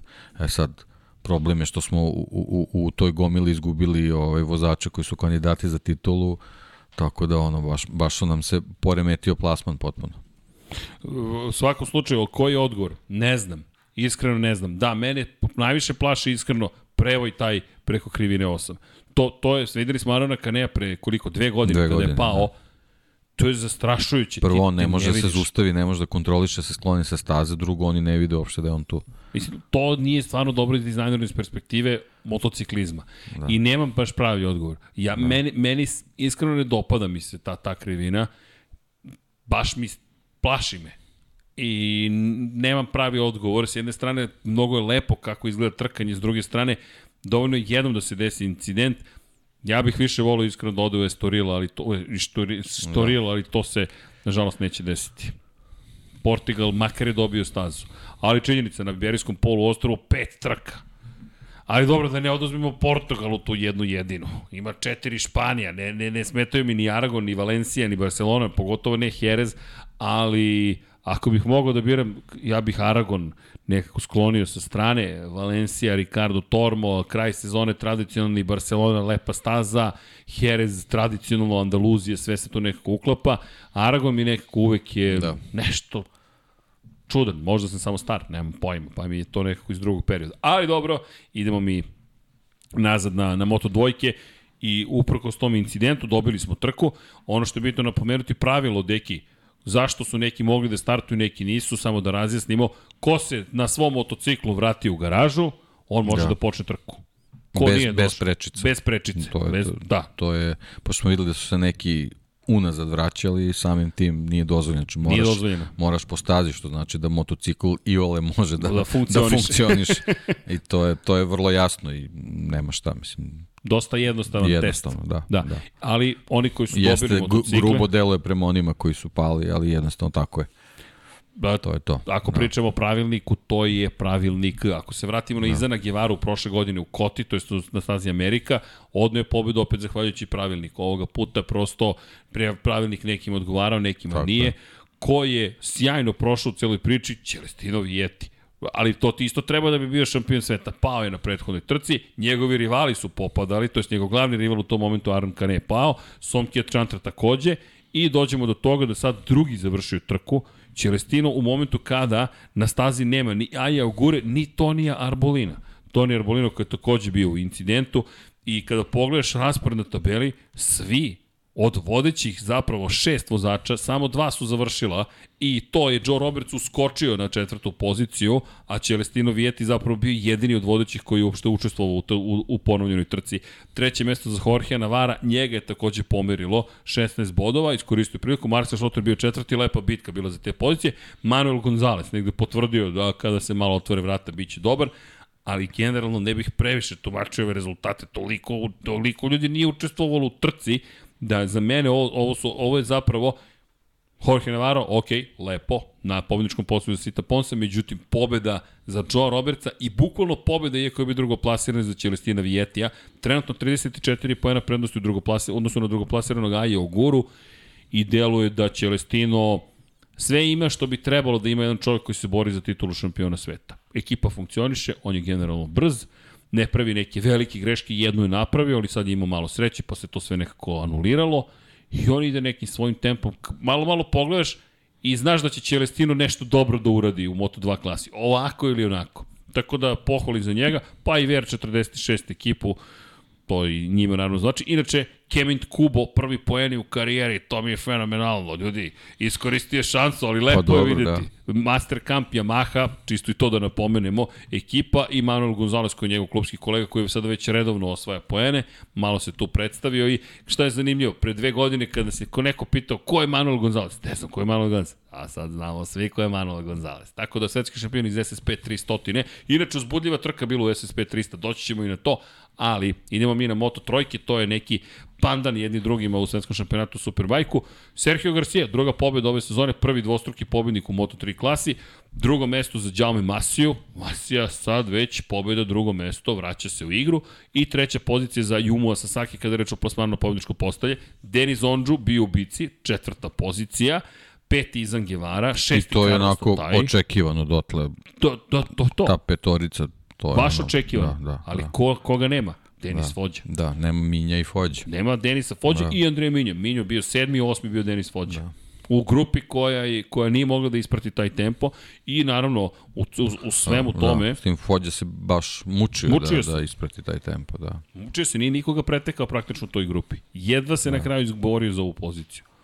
I veliko iznenađenje. Ok, vidjet ćemo. Jedan poen zaostaje sada za Sergio Garcia. Iznenađenje jeste zato što jednostavno ono, više puta smo pričali da se od njega stvarno očekuje da da, da ovu sezonu nekako, ajde sad, možda je grubo reći izdominirana, ali, ali zbog svega što smo gledali prošle godine i kako, kako je taj, taj finiš ovaj, odradio, stvarno smo ono, ne, ne, ne vidim drugo razmišljanje osim toga da, da, da ga stalno gledamo na, na podijumu. Ovako sad već već onako pomalo zabrinjavajuće, posebno što je bio taj Portimao koji u, u svetlo ove čitave priče da postoje vozači kojima ta staza odgovara, ja sam zaista mislio da će njemu ovaj, da, da Portimao legne godine... bez obzira što su ti uslovi bili takvi kakvi su jednostavno. Ali prošle godine se da. borio ovde za pobedu tako, protiv. Pedra I Koste. to što se borio stvarno je, stvarno je bio moćan, moćno izgledao. Izgledao je moćno, baš da. čudna jedna situacija, ali dobro, jedan poen zaostaje za Garcijom, bitke da, dobro, otvoren. apsolutno, da, da, to je To su Moto trojke, to ljudi, za sada da. tu nema ono što može da, da bude drama. Povratak Džame Masije, da. a Masija voli Jerez. Masija voli Jerez, ako se vratite malo kroz istoriju, da. Masija da. ovde počeo zapravo da gradi neku svoju ozbiljniju karijeru. Tako da eto, možda se sada najzad Red Bull, KT Maju i Masija polako uklapaju jedni u drugi i to počinje da, da dobija one obrise koje smo negde očekivali da će dobiti. Da. Dve nezavršene trke na samo 29 pojene za ostatka. Masija, Nije loše. Masija, Augusto Fernandez, Fabio Quartararo. Ostaješ pri tome. Okej. Inače, moram da napomenem jednu bitnu stvar, a to je Ayumu Sasaki. U tri trke, dva treća mesta, jedno četvrto. Ja mislim da samo da, da stiže uskoro pobjeda Ayumu Pa da, ona, ona, ona, ostaje žal za, za onom, onom da, da, prvom za, za trkom, ovaj, to ćemo stalno spominjati kad je Ayumu kad u pitanju, Ayumu ove, pitanje, da. ove godine, ali dobro, eto, polako skuplja i on te bodove, tako da, da tu je ovaj, i, i, i treba samo jedna ta, takva, takva dobra trka na, na, na taj ovaj, dominantan način ala Fenati i ovaj, to može da bude onako dobro. Kritikuje me koleginica iz prodaje što pravim buku, ali šta ćete danas na raspoložen da proizvodim buku? Kako se vi zabavljate? Top, to, to volimo da čujemo. Ajumu, ja čekam Ajumu, Ajumu, osvetnik, vidjet ćete ljudi, uskoro pobjeda Ajumu Sasaki, ako ne u Herezu, a ono u Muđelu, ja u Muđelu, to je, e, to je test hrabrosti. Tamo, ko pobedi u Muđelu, taj je hrabar. U okviru ovih super hrabrih ljudi, taj je hrabar. Dobro, bilo, bilo je zanimljivo. U jednom momentu se uplašio da ćemo dobiti trend toga da stalno neko pobegne u Moto3 kategoriji. Da će stalno biti ista priča. Neko je pobegao, neko je pobegao. Nemojte, dajte da se trkamo do kraja. I bilo je zabavno, bilo je zbudljivo. Tako da smo se lepo proveli. Šta će biti u Herezu? Ko to zna, ljudi, šta će biti u Herezu? U Moto dvojkama Čelestino Vijeti će sigurno nešto dobro da uradi, to možemo jedino da vam kažemo. U Moto trojkama, ha, Sergio Garcia i to, ja tipujem na Jaumea više nego na bilo koga drugog, ali Denis Vođa voli te osvetničke misije, pa eto, vidjet ćemo. Međutim, šta ćemo dobiti u Herezu, i ovo moram da napomenem par stvari. Moto E se vraća na stazu. Dakle, krećemo, velika nagrada Španije, prva trka sezone u Moto E kategoriji i imat ćemo priliku eto, da vidimo dve trke. Od ove godine imamo po dve trke po trkačkom vikendu, ukupno 14 trka ćemo gledati, tako da eto, budite spremni da vidimo šta će se dešavati. U subotu jedna trka, u nedelju druga trka i hajde da vidimo šta su to pripremili za ovu sezonu. Energika, poslednja sezona sa Energikom od naredne godine Ducati koju je već Alex D'Angelis testirao. Jao, a imam još nešto da spomenem posle, ali ajde da završimo najavu Moto E klase. Spomenut ćemo vam i Superbike šampionat i Amerike ćemo da spomenemo i sveta i tako dalje. Tako dalje, bit ćemo brzi. E, Deki, je gotovo utakmica? Pa jeste. A jeste. Jeste, već su u avionu za Liverpool. Oni to brzo, efikasno, Oni znaš. to, to, to. Da. Nešto mi poručuješ ili kako? Pa, ne bi bilo zgoreg. Evo, brzat ćemo se. Samo kratko. Moto E kategorija. Imamo trku od 16.25 časova u subotu prvu, a druga trka Moto E kategorije je na programu od 15 časova i 30 minuta u nedelju. Dakle, poslo Moto, Moto Grand Prix trke. Tako da znate, Moto E koga će biti, ono što je zanimljivo, nažalost povređen je Bradley Smith, ako mogu da kažem na sreću, ko će biti tu, bit će momak koji nam je bio u studiju sport kluba pre par nedelja, Lukas Tulović se vraća na stazu, tako da znate i ono što mi se dopada kada je reč o podacima koji nam šalju za Moto E kategoriju. Brzine kroz krivine, deki. Uh -huh. To je ono što je fenomenalno. 62,2 km na čas u Lorenzo poslednjoj krivini, 70,9 u krivini broj 6. I tako, po, vidjet ćemo sve kako će to funkcionisati, ali je lepo vidjeti prosto Moto E kako se priprema i kako pokušavaju na taj način prosto da da malo poboljšaju informisanje o Moto E kategoriji. Jedino što mi se ne dopada je broj padova po krivinama Moto E klasi što su nam poslali. Bi znači ono... ti kao da si Moto E vozio. da, e, vidi, pad da. u krivini 1 uh, 2020. U, pazi, od 2021. godine 13 padova u Herezu. to, to ti kažem, to. ja sam vozio Moto to E. Inače, ono što je zanimljivo, u krivini broj 6, kada govorimo o kočenju, uh, brzina maksimalne 224,5 km na čas, zaustavni put je 180 metara, 142 kW se jel te, generiše, 4,75 sekundi se, se provede na kočenju i zaustavna brzina, to je brzina na kraju tog perioda kočenja 66,5 km na čas. Dobro, okej. Okay. Znači, Quartararo, Augusto Fernandez, uh, Jaume Masija ja da i Eri Granado. Eri Granado, znao sam. to je to. da, Eri to je to. Granado, to dolazi Eri Granado. Ej, vidi, Jordi Torres ovde ima dve pobede. Ne, pa da, ali dve... prošle, prošle godine pobeda... Ne.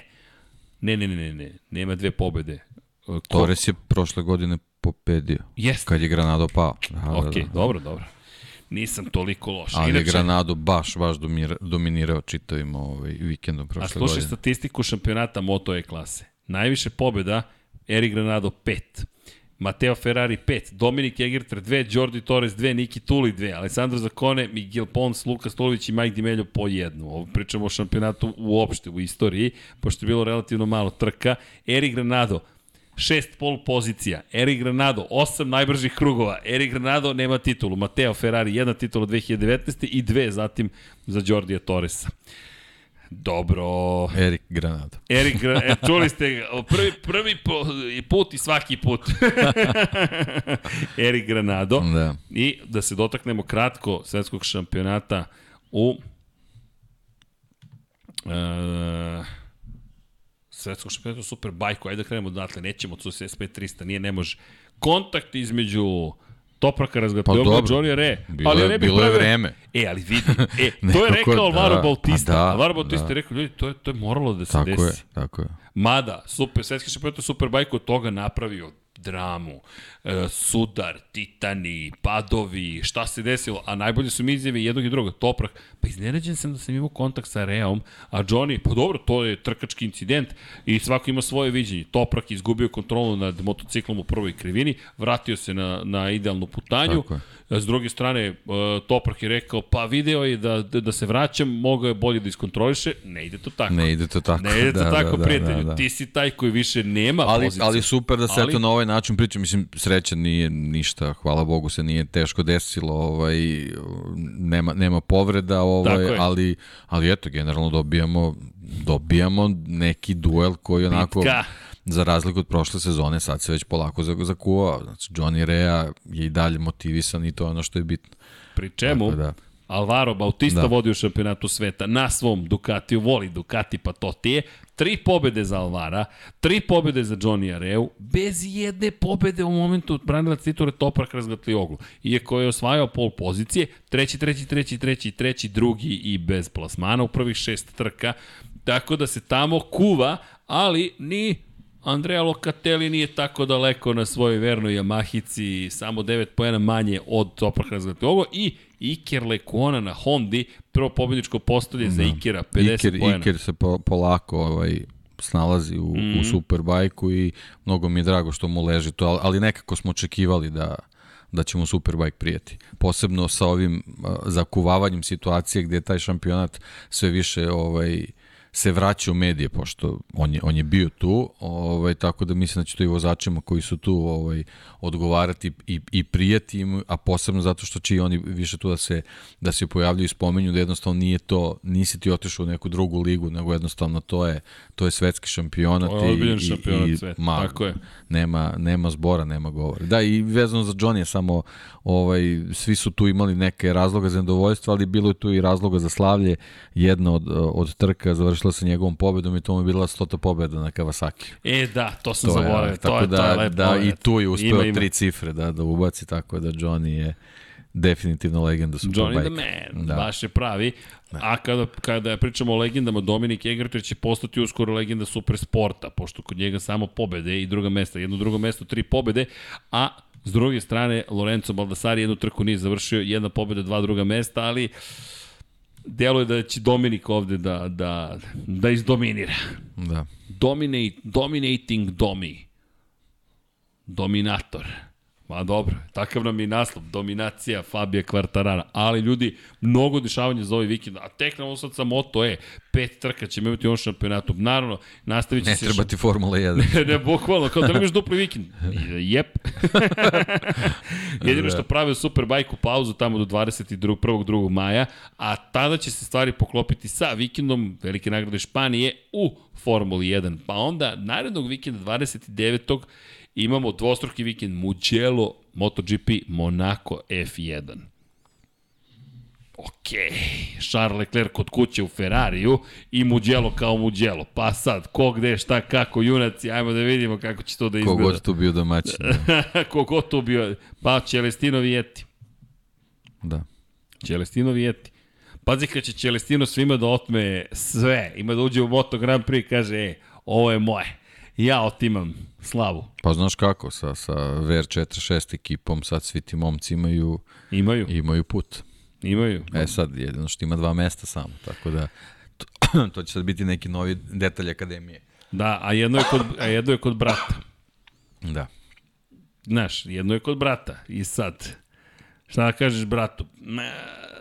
jel tim prvi ili porodica, kako će to da se organizuje? Inače, Moto Grand Prix, će početi u 14 časova kada je reč o, o Mugello, iako je daleko, ali čisto da napomenemo, trude se Formula 1 i, Moto Grand Prix nekako da iskombinuju, da, da sve to protekne bez toga da, da jedni utiču na druge, ali iz perspektive organizacije, sad ću vam reći kada je Monako Jesi dobro, deki? Dobro, dobro. I ti si počeo, jel te... Dobro, dobro. O, do, dobro, dobro.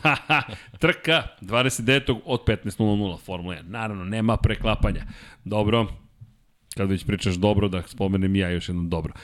Da li imamo nekih pitanja? Deki će reći ne, automatski. sve, sve je jasno. sve smo rekli, udrite like ukoliko vam se dopada sadržaj kojem ste prisustvovali. Ali da, da pokušamo da odgovorimo na par pitanja i idemo. Jel sve u redu? Nadam se da je to sve u redu, ali dobro. Ili vas ja zasmevam ili se lepo ne, zabavite. Ne, ne, sve okej. Okay, sve, sve okej. Okay. Okej. Okay. Ljudi, ima neko neko pitanje? Dakle, učekaj, ono u djelu se Saki izleti sa staze zbog Srkije. Boško, pa neće valjda. Inače, Jerez MotoGP, Quartararo, pr... uuu, šta sam zaboravio? Jao, za malo da pobegne. Da li znate da nam je koleginica iz prode 39 u fantaziju u Formuli 1 od 4000 takmičara. A da imamo fantaziji, jao, ko ti je bio fantaziju za ovaj vikend? Moram da provjerim. Jao, je ne, a je ne. Ne, ja sam, ja sam stavio Millera. Jao, a Tako u tebe da, Miller, dobro. Da, da, da, on je, on je to ovaj... Iskusno sam Rinsa da. stavio bio. Šta kažete koleginice, ne čujem vas? Jao, kad pozovem Dom Pabla, jao, oh, Dom kuku. Pablo, vrati se. Jao, 249. Pa Miller, sam skočio Miller, Bastianini, Marquez, Doviciozo. Čoveče. Oh. Izvini, deki, nisam te prepoznao. Ali da vidimo. Ja, pa ja ovo moram, moram iz korena da menjam sve. A nema mogućnost za to. ja sam 249. Kako, gde, čekaj, čekaj, gde je liga? Znam da ovde je lakše to da se... Aha, lig, sad vidiš. Koliko je bolje ovo urađeno od formula. E, da, da, bolje, bolje. Mnogo je Koji si? Ja sam 249. O, ja, ja sam pao na 530. mesto. Udrite like. 58 udrite bodova like. samo. Sad samo like. 58 bodova. Ovo je baš like. bila katastrofa. Najzad sam ispred Ništa, deke. gotova je sezona, to je to. Lewis Hamilton stil. Lewis Hamilton, to, to je to. Neko Mercedes da, da, da. da se predeš. Čekajte da imamo, koleginice... Pa kako, pa ne mogu da zamenim četvoricu vozača. Kako, search kako for to da a friend. Uh, koleginice, gde ste vi? Ko je koji, da čujem, da čujem? Aha, dobio sam informaciju. A sad ste se utišali kad ja dominiram. Dominiram, 249. Dakle, 494. ste. Pa dobro. A dobro. Dobro. Vanja, ti ili igraš? Ne igraš. A, Kako mi sad da dakle, samo jednog vi? vozača da stavim? Koji ste vi? 15. 15. O, čekajte da vidimo ovo. 15. Harkila 22. Opa, čekajte da vidimo. Imamo Harkilu 2-2 ovde. Alex Rins, Mark Marquez, Suzuki, Francesco Bonjaja, Joan Mir. Dobro, ovaj Rins je bio dobar. Pijani Suzuki nije loš. Joan Mir. Oh, Miller seckati. Marquez Banjaja, dobro. Da vidimo. Ok, da vidimo. Ko nam vodi? Vodi nam gospodin koji ima neki ovde poruku, zanimljive prirode, ali, ali zabavno je, ja se nadam da se lepo zabavljate, pa onda Mane, pa Emin, pa Moto Voždovac, opa, Moto Voždovac, Brka 21, MGP, Kuku Majko Racing, Zigili, e, Zigili Migili, dobro, Švej Racing, Krlja 46, Jorzen Ride, Min Machine, Zver Racing, Team Music i Harkila. Dobro, dobro, dobro, dobro. Silver, Fabio, Alex dobar izbor. Fra, Franko, Enea nula poena. Jao. Jao, Franko. Ali dobro. E, ali ja još nisam koristio boostove. Sad kad krenem u napad. Ne, ovde moram da se vratim, makar među prvih 100 da budem. Ljudi, nema smisla. Marko, Beceki, nemoj me izdati. Nemoj me izdati, Marko. Ali ja sad znam koju zamenu vršim ovde. Sad će ovde jedan switch da padne između vozača. Pap, ok. Ja mislim da je vreme za jedan bustić. Sad ćemo da se vratimo u igru.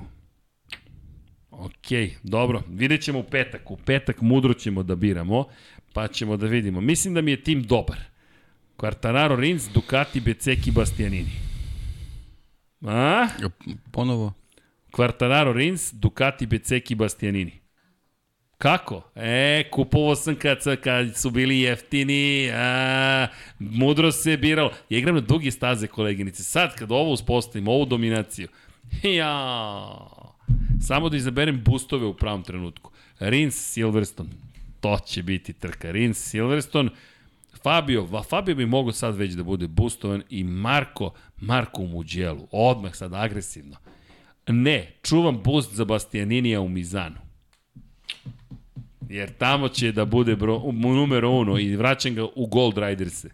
Fabio se vratio u Gold Riders, ali sam ga čuvao u Silveru da me manje košta ako bude loš. Eto, malo otkrivamo taktike kako da se igrate i koliko bi sad vredi ekipa da vidim? 16,4 miliona. Nemam pojma da li je to dobro ili loše, ali dobro. Dakle, e, da se vratimo na pitanja, čekajte, izvinjam se, postavio da li ima neko pitanja, potišao na fantazi. E, Edo, Edo, Rea kriv. Nije nužno Rea. Znate kako, to je trkački incident fakat, ali onaj ko se vraća na trkačku putanju mora da vodi računa. Ne može tek tako da se vrati na idealnu putanju. To smo imali situaciju baš u Herezu, ako se setite, Andrea Doviciozo, Jorge Lorenzo, Dani Pedrosa. Jorge Lorenzo koji izgubio kontrol, Dani Pedrosa je u unutrašnjoj strani krivine, Jorge se vraća, lansiraju se i pogađaju naravno Andrea Dovicioza koga nema ko nije oborio. Mark Marquez kaže, hvala lepo, ja vas ne bih uznemiravao, doviđenja. Tako da, mora da se tu malo vodi računa. Kaže, uh, čekaj, čekaj da vidim. Uh, u, ovde se krenula priča, ne mogu da pohvatam. Dakle, u utorak, jel dolaziš Liverpool igra? Kažu, moraš da dođeš čitao da bi sam, pobedio. Da, čitao si, dobro. Uh, da li postoji i Infinity Lighthouse Fantasy Liga za MotoGP? Naravno, Andreja, da postoji, pa molim vas. Uh, evo, Branislav Dević je poslao kod.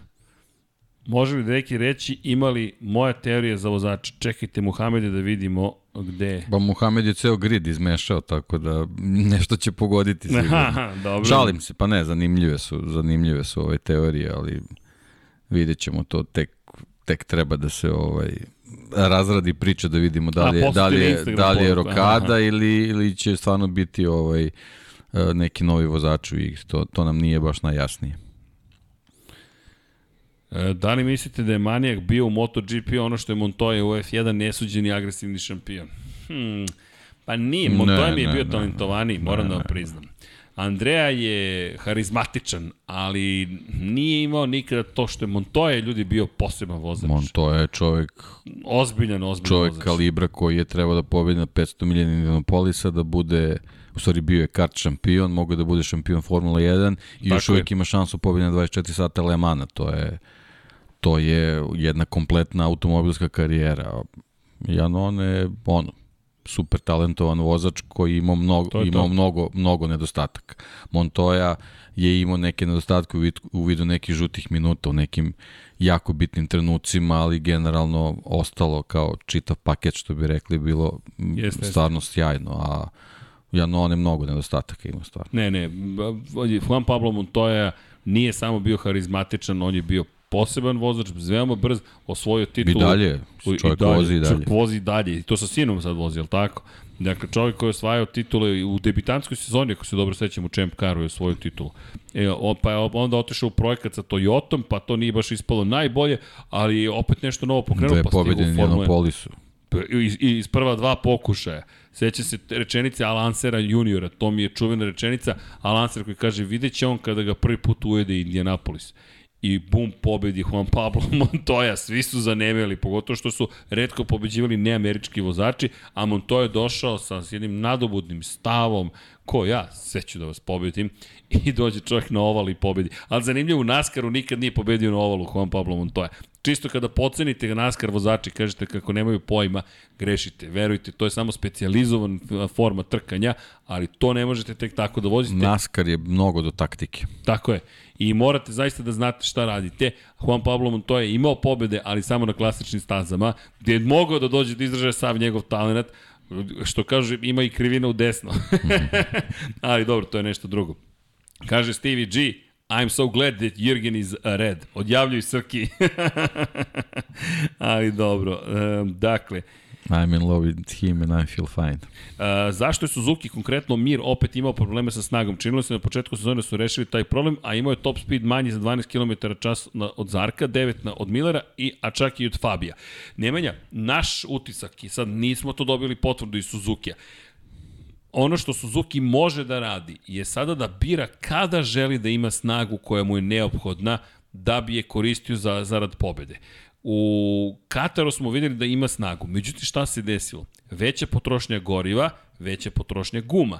I nisu bili u borbi za pobede. Ako pogledate, Mir je bez problema držao tu drugu poziciju. Bez obzira na veliku prednost u maksimalnoj brzini drugih takmičara, teško ga je bilo preteći. Naše mišljenje, pričali smo pre podcasta, je da je zapravo Suzuki i Mir, kao i Quartararo rekao, ovde nema potrebe za visokom maksimalnom brzinom, ovde ti treba čist vazduh. I to je ono što je postala velika bitka u Moto Grand Prix. Da dođeš do čistog vazduha, taktika, ovaj Moto Grand Prix, da je Jorge Lorenzo zdrav, da se nije ispovređivao i penzionisao, ovo je rođeno za Kao što sada Alan Prost da je mlad vozač, u Formuli 1, ovo je Formula 1 koja je rođena za njega.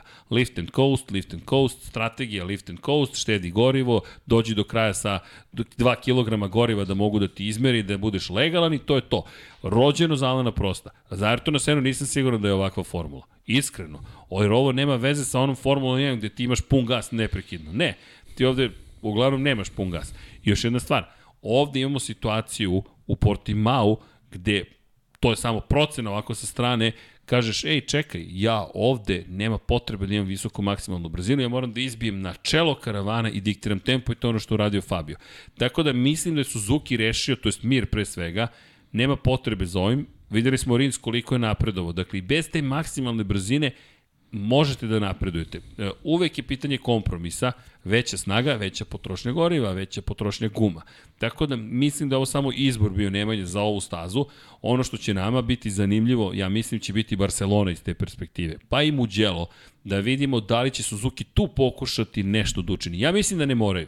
Ja mislim da njima dovoljno ovo, samo da Ducati ne može da ih pretekne kao da stoji u mestu i da Suzuki uopšte nije cilj da bude bolji od Honda i Ducatija, već da bude dovoljno brz da Ducati ne može samo da ubaci u četvrtu, petu pa šestu i samo prođe ovako pored njih i ode dalje. Nego da mora da se muči na kočenju, kao što se Jack Miller mučio. Tako da moje, moje mišljenje je samo da je ovo kompromis koji je Suzuki sada našao i da će to biti do kraja sezone. Osim ako negde ne kažu, ok, ovde baš moramo da imamo maksimalnu brzinu. Tako da, eto, to, to je mišljenje i mislim da nije, nemojte da brinete, snaga je tu. Pa nema mnogo staza kao, kao Austin. Nema, Gde u nema. stvari to je jako veliki problem. Aragon eventualno onaj, onaj zadnji pravac, ali to isto, isto može da se reći dobrim izlaskom, ali dešava se da i tu bude problema, tako da eto, uz Aragon ne, ne znam šta bi tu još moglo da bude tako veliki problem. E, pitanje je, pozdrav za ekipu JC94, kakvu budućnost očekuje za VR46 ekipu, da li je mogući i realno neki pomak kroz godinu da budu u borbi za pobede? U Moto Grand Prix klasi Pa pretpostavljam. sponzorstvo. Sponzorstvo, pa to je to što Deki ključno. kaže. Koliko će u stvari Rossi da bude uključen u čitavu priču Jeste. oko, oko organizacije budžeta. U toj priči zašto budžet? Znate šta kupujete? Koga kupujete? Jer vi da biste imali stvarno moćnu ekipu, vi na kraju morate da imate analitičare podataka, inženjere i mehaničare. I to je ono što kupujete. Naravno da morate imate i vozače. Imate GP22, imate GP21. Best of both worlds. Imate prošlogodišnju verziju koja deluje sjajno i imate najnoviji motocikl. Ali ono što deki često potenciraju u Moto2 klasi i u Moto Grand Prix. Ko je, možete da vidite snagu ekipe na osnovu konstantnosti rezultata vozača. To smo videli kod KT Maja, sad vidimo kod Muni Vera 46. Videli smo prošle godine s Beceki. Tako je. Sa Becekim Sve je bilo usmereno na, na Moto Grand Prix, on je čovjek jednostavno izvisio. Tavorio. Izvisio, je. bukvalno da. izvisio. E sad sa, sa, sa Ćelom izgleda već druga priča, Jeste.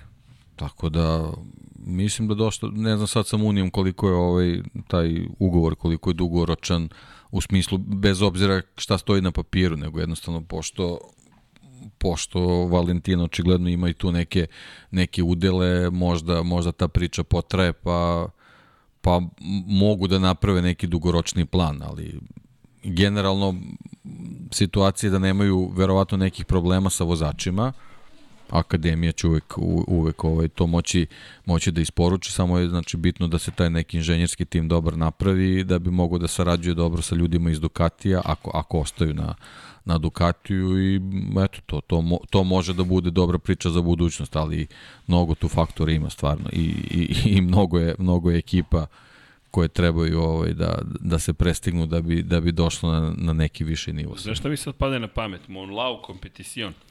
Monlau kompeticion je, pošto pričaš o ovome što je savršeno, Rossi gradi vozače. Nema problem sa vozačkim, sa, sa brojem vozača koji će imati na raspolaganju. Šta nema? Nema inženjere. Monlau kompeticion je inače škola u Barceloni koja uči mlade ljude, momki i devojke, upravo inženjeriji. Dakle, mašinstvo, elektrotehnika, sve što je neophodno u okviru automoto, da kažemo, industrije. I Monlau kompeticion, takmičenje, vas stavlja u ulogu toga da ste zapravo kao mladi ljudi vi u jednom trkačkom okruženju, gde je jedini cilj biti najbolji i najbrži. Baš je takmičenje i to gradi, gradi inženjere. Ako pogledate ko je kroz Monlau na neki način stigao, čovek koji sedi sada sa Markom Markezom, Santi Hernandez. Sad mi pada na pamet, nikom nema školu zapravo razvijanja inženjera. Nekako to, to još nismo videli, pa eto, možda će to biti interesantno. Sledeće polje takmičenja, ali eto, super pitanje. Nama deluje da je to ono što će im biti neophodno kao sledeći korak za uspeh. Boris Trutin kaže, da li je moguće na kraju sezone da Derin bude bolje plasiran od Dovija? Pa, teško, iskreno. Mislim da, da li je moguće? Pa, teoretski sve, ali mislim da će Dovi ljudi ipak pokazati svoju klasu i da će kako god zna i ume, zna i ume. On je vrlo strpljiv, ima Ramona Forkadu. Možda već sad u znaju. nedelju. Tako je, možda već sad u nedelju. Dovi, meni, ono, meni sama činjenica da je stigao Morbidelija, bio bolji od Morbidelija je neki pokazatelj napretka. Eto. E, pozdrav svima, samo da se pohvalim da je moj kuku Majko Racing ušao u top 10 na Fantasy. Bravo Bojane! Mo, bravo Bojane!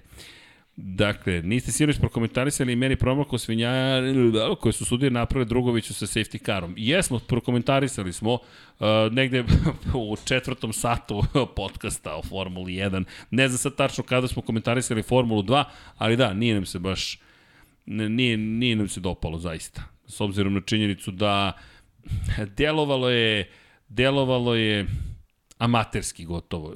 Vidi se Liam Lawson koji, čiji je polovina bolida je na, na stazi, ne vidim čemu mi imamo sad e, zadršku u isticanju vozila bezbednosti ili čak crvenih zastava, ali okej, okay. da sad ne širim priču, da ne paranoišem ili nešto slično, prosto mislim da nisu bili na visini zadatka. Ali se drugi put dešava da ove godine, ove godine da se da momci koji su u odličnoj situaciji ispaštaju zbog tako neke sudijske odluke i to, to nije dobro za tu kategoriju, zato što su tu baš mladi momci i nije, ostaje baš onako gorak utisak. Da, inače, evo, Zlatko Tajtan i Lijevski, a na četiri točka ovu nedelju DTM Portimao Garvi, Formula E u Monaku. Ali, zašto je nama bitan DTM u Portimao? Zbog Formule 4 španskog šampionata koja će se voziti uz DTM prvenstvo u Portimao, gde vozi Filip Jenić, to smo juče najavili, pratite Filipa Jenića, klinac iz Srbije koji ima šansu da, da nešto više ostvari ove sezone. Ozbiljni su pripreme i za njega, dogovor je bio da sačekamo da počne sezona, pa se nadamo da ćemo čuti Filipa kada počne godina. Držimo mu palčeve, pre svega navijamo svi otvoreno, tako da Porti malo domaćini ovoga vikenda ponovo na četiri točka, ali iz naše perspektive, eto, šampionat Španije Formule 4, to je ono, to je ono što mi čekamo na neki način. MotoGP je brže reaguje od Formule 1. Pa, zavisi, znate šta Boris, to ponekad tako izgleda, ali činjenica je, evo, Andreja David kaže, pri kraju trećeg sata su bili komentarisali za Formulu 2. ne zamerite, ali tako je otprilike bilo. Da, inače, da li brže reaguju? Pa, mislim da je drugačija situacija. Moto Grand Prix je mnogo opasniji. Jednostavno, tu vozač nije zaštićen gotovo ni na koji način kada ostane pokraj staze. E, da vidimo šta još imamo, pa to bi bilo to, vidimo da se vodi diskusija. A, da, Mesić, ja trudim se da budem primeren, ali ok, ne, samo ja nisam pročitao šta ste prokomentarisali ili ne žalim se, prosto jeste bilo jeste bilo pogrešno, ali ne bih išao ka tome da je usmereno protiv njega, više bih išao ka tome da su jednostavno uradili loš posao. Dobro, ja se nadam da ste uživali ako smo nešto promašili, nemojte zameriti, ali dosta toga smo ispričali, ispratili smo Liverpool, eto, obeležena je pobeda, čestitam. Pa, nam, da, da ostanemo sada još na tome da šta uradimo, deki, ćemo da pročitamo, malo da čitamo iz knjige Ayrton Sena, Put ka savršenstvu, shop.infinity shop.infinitylighthouse.com Ljudi, par stvari. Vanja, možemo da uradimo, ja, nemamo fotografije, ali ne znam da li ste gledali Formulu 1 koju smo radili, ili imaš možda mogućnost onaj video od malo da ubaciš ili ne, koji smo juče puštali šta smo radili u studiju na kraju univerzuma broj 14. Šta hoću da kažem dok ste tu? Da nije like, subscribe, zašto vam to i govorimo, ne zamerite. Malo nas to YouTube algoritam tera da tražimo od vas lajkovanje, subscribe prosto kao podsjetnik. Ali šta smo uradili, čisto da vidite, ovo vam pričamo s ponosom za one koji nisu. Evo, prepoznatljiv to tandem. Ljudi, bukvalno bolid Formule 1 smo imali na raspolaganje i bio je u studiju na kraju univerzuma 14, tako smo ga nazvali. To je neki Kosmos 14, pošto je RB 14, Malo smo se igrali Matrixa, Deki je u brazilskim bojama bio, ja sam bio u naranđastim bojama, rekao ajde da spojimo Red Bull i naranđast, to nekako mi imalo smisla.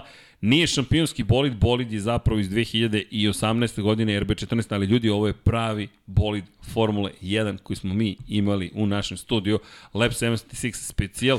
Super su majice, ove baš prikrivaju stomačiće.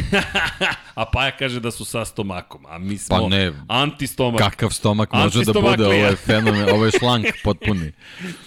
Potpuni šlank. Ali izgleda Zadovoljan sam majicu. Da, i bilo je virtualizacije, malo ovde smo pričali o upravljačkoj sponi, da li ćemo nešto da uradimo slično za Moto Grand Prix, držite nam palčeve, ali ono što je nevjerojatno je da smo zaista dobili, ovo niko još na ovim prostorima nije imao priliku da uradi, dakle da, do, da ceo bolid Formula 1 bude tu. Imali smo vanzemaljca, našeg dragog prijatelju koji nam je pomagao kamerom, cijela ekipa je bila tu i kao što možete vidjeti nije virtualizovan bolid, pravi bolid je bio sa nama. Zašto vam ovo govorim? Hvala vam. To je poenta cele priče. Da, upravo si stomak mnogo mali.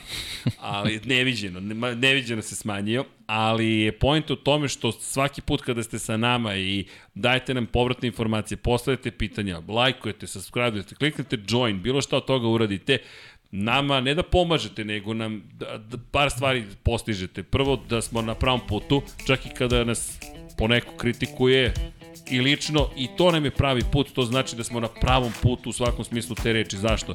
Jer verujemo u neke lepe poruke, stojimo iza poruke, mazite se i pazite se i vozite i vodite računa jednim drugima, uradite nešto dobro, budite dobri. Da, mi volimo da gledamo i komentarišemo Moto Grand Prix, Formulu 1, sve forme trkanja, kosmos, NFL, to su stvari koje nas zabavljaju. Mi smo od zabave napravili nešto što je nama pa i život na neki način. Spremite se da pratite i Vanja, Vanja nešto sprema svoje, tako da znate, pričat ćemo o tome šta priprema, ali svako ima svoj izražaj, ono što je point da pokušamo da vas inspirišemo da uradite za sebe i za one koji vas voli, da ih vi volite nešto lepo. To je pojenta inspiracije. Skupimo se takođe kao zajednica koja voli ove sportove i kažem, Dve godine od kada smo imali Maverika Vinjale sa 27. aprila u ovom studiju, od kada smo u ovom, u jednom drugom, ali koji podsjećajte kako na ovaj, krenuli dve godine kasnije, Red Bull nam je dao bolid, ni manje ni više na ceo dan. Ja moram priznati da nemam reči, imam ih naravno uvek, možda i mnogo ili mnogo više nego što bi se očekivalo, ali takav sam, no činjenice da bez vas to ne bi ni imalo smisla, a ne bismo ni uspeli Tako da hvala vam, to je pojenta cele priče, a nadam se da ćemo tako jednog dana komentarisati neki Ducati, Yamaha, Honda u nekom studiju pričati o delovima koje tu možemo da vidimo.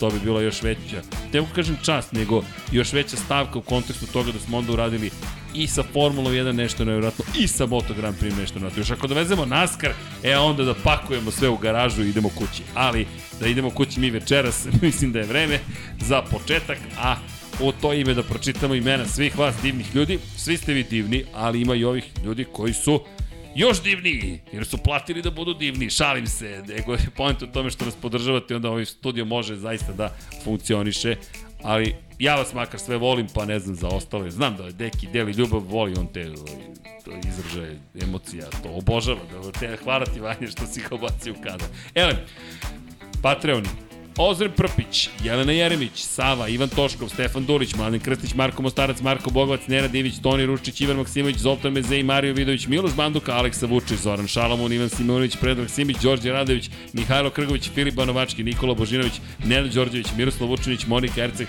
Omer Kovačević, Aleksandar Gošić, Jelena Maka, Luka Savić, Žorž, Stefan Vidić, Mlađan Antić, Marko Ćurčić, Borko Božunović, Milan Nešković, Bojan Mijatović, Petar Relić, Nenad Simić, Boris Gvozden, Andrej Božo, Josip Kovačić, Mirina Živković, Boris Golubar, Đorđe Andrić, Zorana Vidić, Luka Manitašević, Ljubo Đurović, Miloš Vuletić, Dušan Ristić, Marina Mihajlović, Nemanja Miloradović, Vukašin Vučenović, Đole Bronkos, Miroslav Cvetić, Stefan Milošević, Antonio Novak, Jasenko Samrđić, Nikola Stojanović, Mihovil Stamičar, Zoran Majdov, Nemanja Jeremić, Stefan Deljković, Lazar Pević, Jan Gajan, Aleksa Jelić, Tijana Vidanović, Boris Kujundžić, Aleksandar Antonović, Nemanja Zagorec, Dejan Vujović, Aca Vizla, Milan Ristić, Igor Vučković, Vukašin Jekić, Igor Gašparević, Aleksandar M, Žarko Mirić, Branko Bisački, Dejan Đokić, Bahter Abdurmanov, Bojan Markov, Alen Stojčić, Ognjen Urganović, Erton Prelić, Andrija Todorović, Emir Mesić, Miloš Todorov, Pavle Njemec, Đorđe Đukić, Vanja Radulović, Vladimir Petković, Vladimir Filipović, Aleksandar Jurić, Strahinja Blagović, Depressed Cody Garbrandt Fan, Jovan Jordan, Stefan Stanković, Boris Ercek, Katarina Marković, Ivan Panajotović, Ivan C, Dimitrije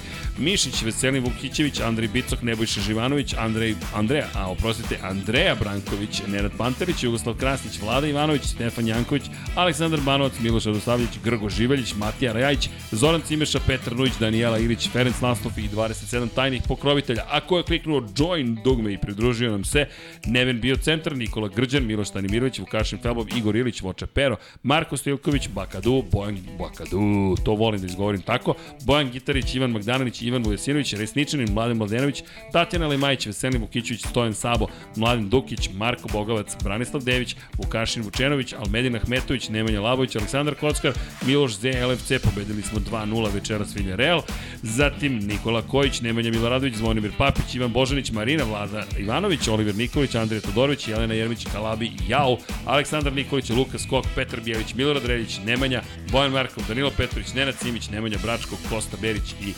Aleksa Vulović knjigu možete kupiti kod nas u prodavnici i na taj način takođe nas fantastično podržavate i produžavate ne samo život, već i količinu goriva koje ova raketa na svom putu u kosmos ima, a u to ime ja ću zatvoriti sad ovaj računar i reći Ljudi, laka vam noć, budite dobri, vodite računa i vozite računa jedni u drugima, a mi se vidimo, nadam se s dekim utorak, ali to ćemo još da vidimo. Danas smo mu ukrali smo ga od Liverpoola, ne znam da li ćemo isto učiniti utorak, ali ne zamerite malo što se šalimo a, imamo loš smisla. Šalim se, imamo dobar smisla za humor, ali ili makar je nama zabavno. Neko mi rekao, nemoj se smeješ svojim šalama. Šta ću kad sam loš u tome? Jednostavno mi je suviše zabavno i suviše sam srećan.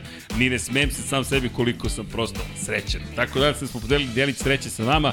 Deki, hoćemo? Na 1, 2, 3 ili ćemo... 7, 6. Hoćemo, a? 10, 9, 8, 7, 6. Ćao, Ćao svima! svima.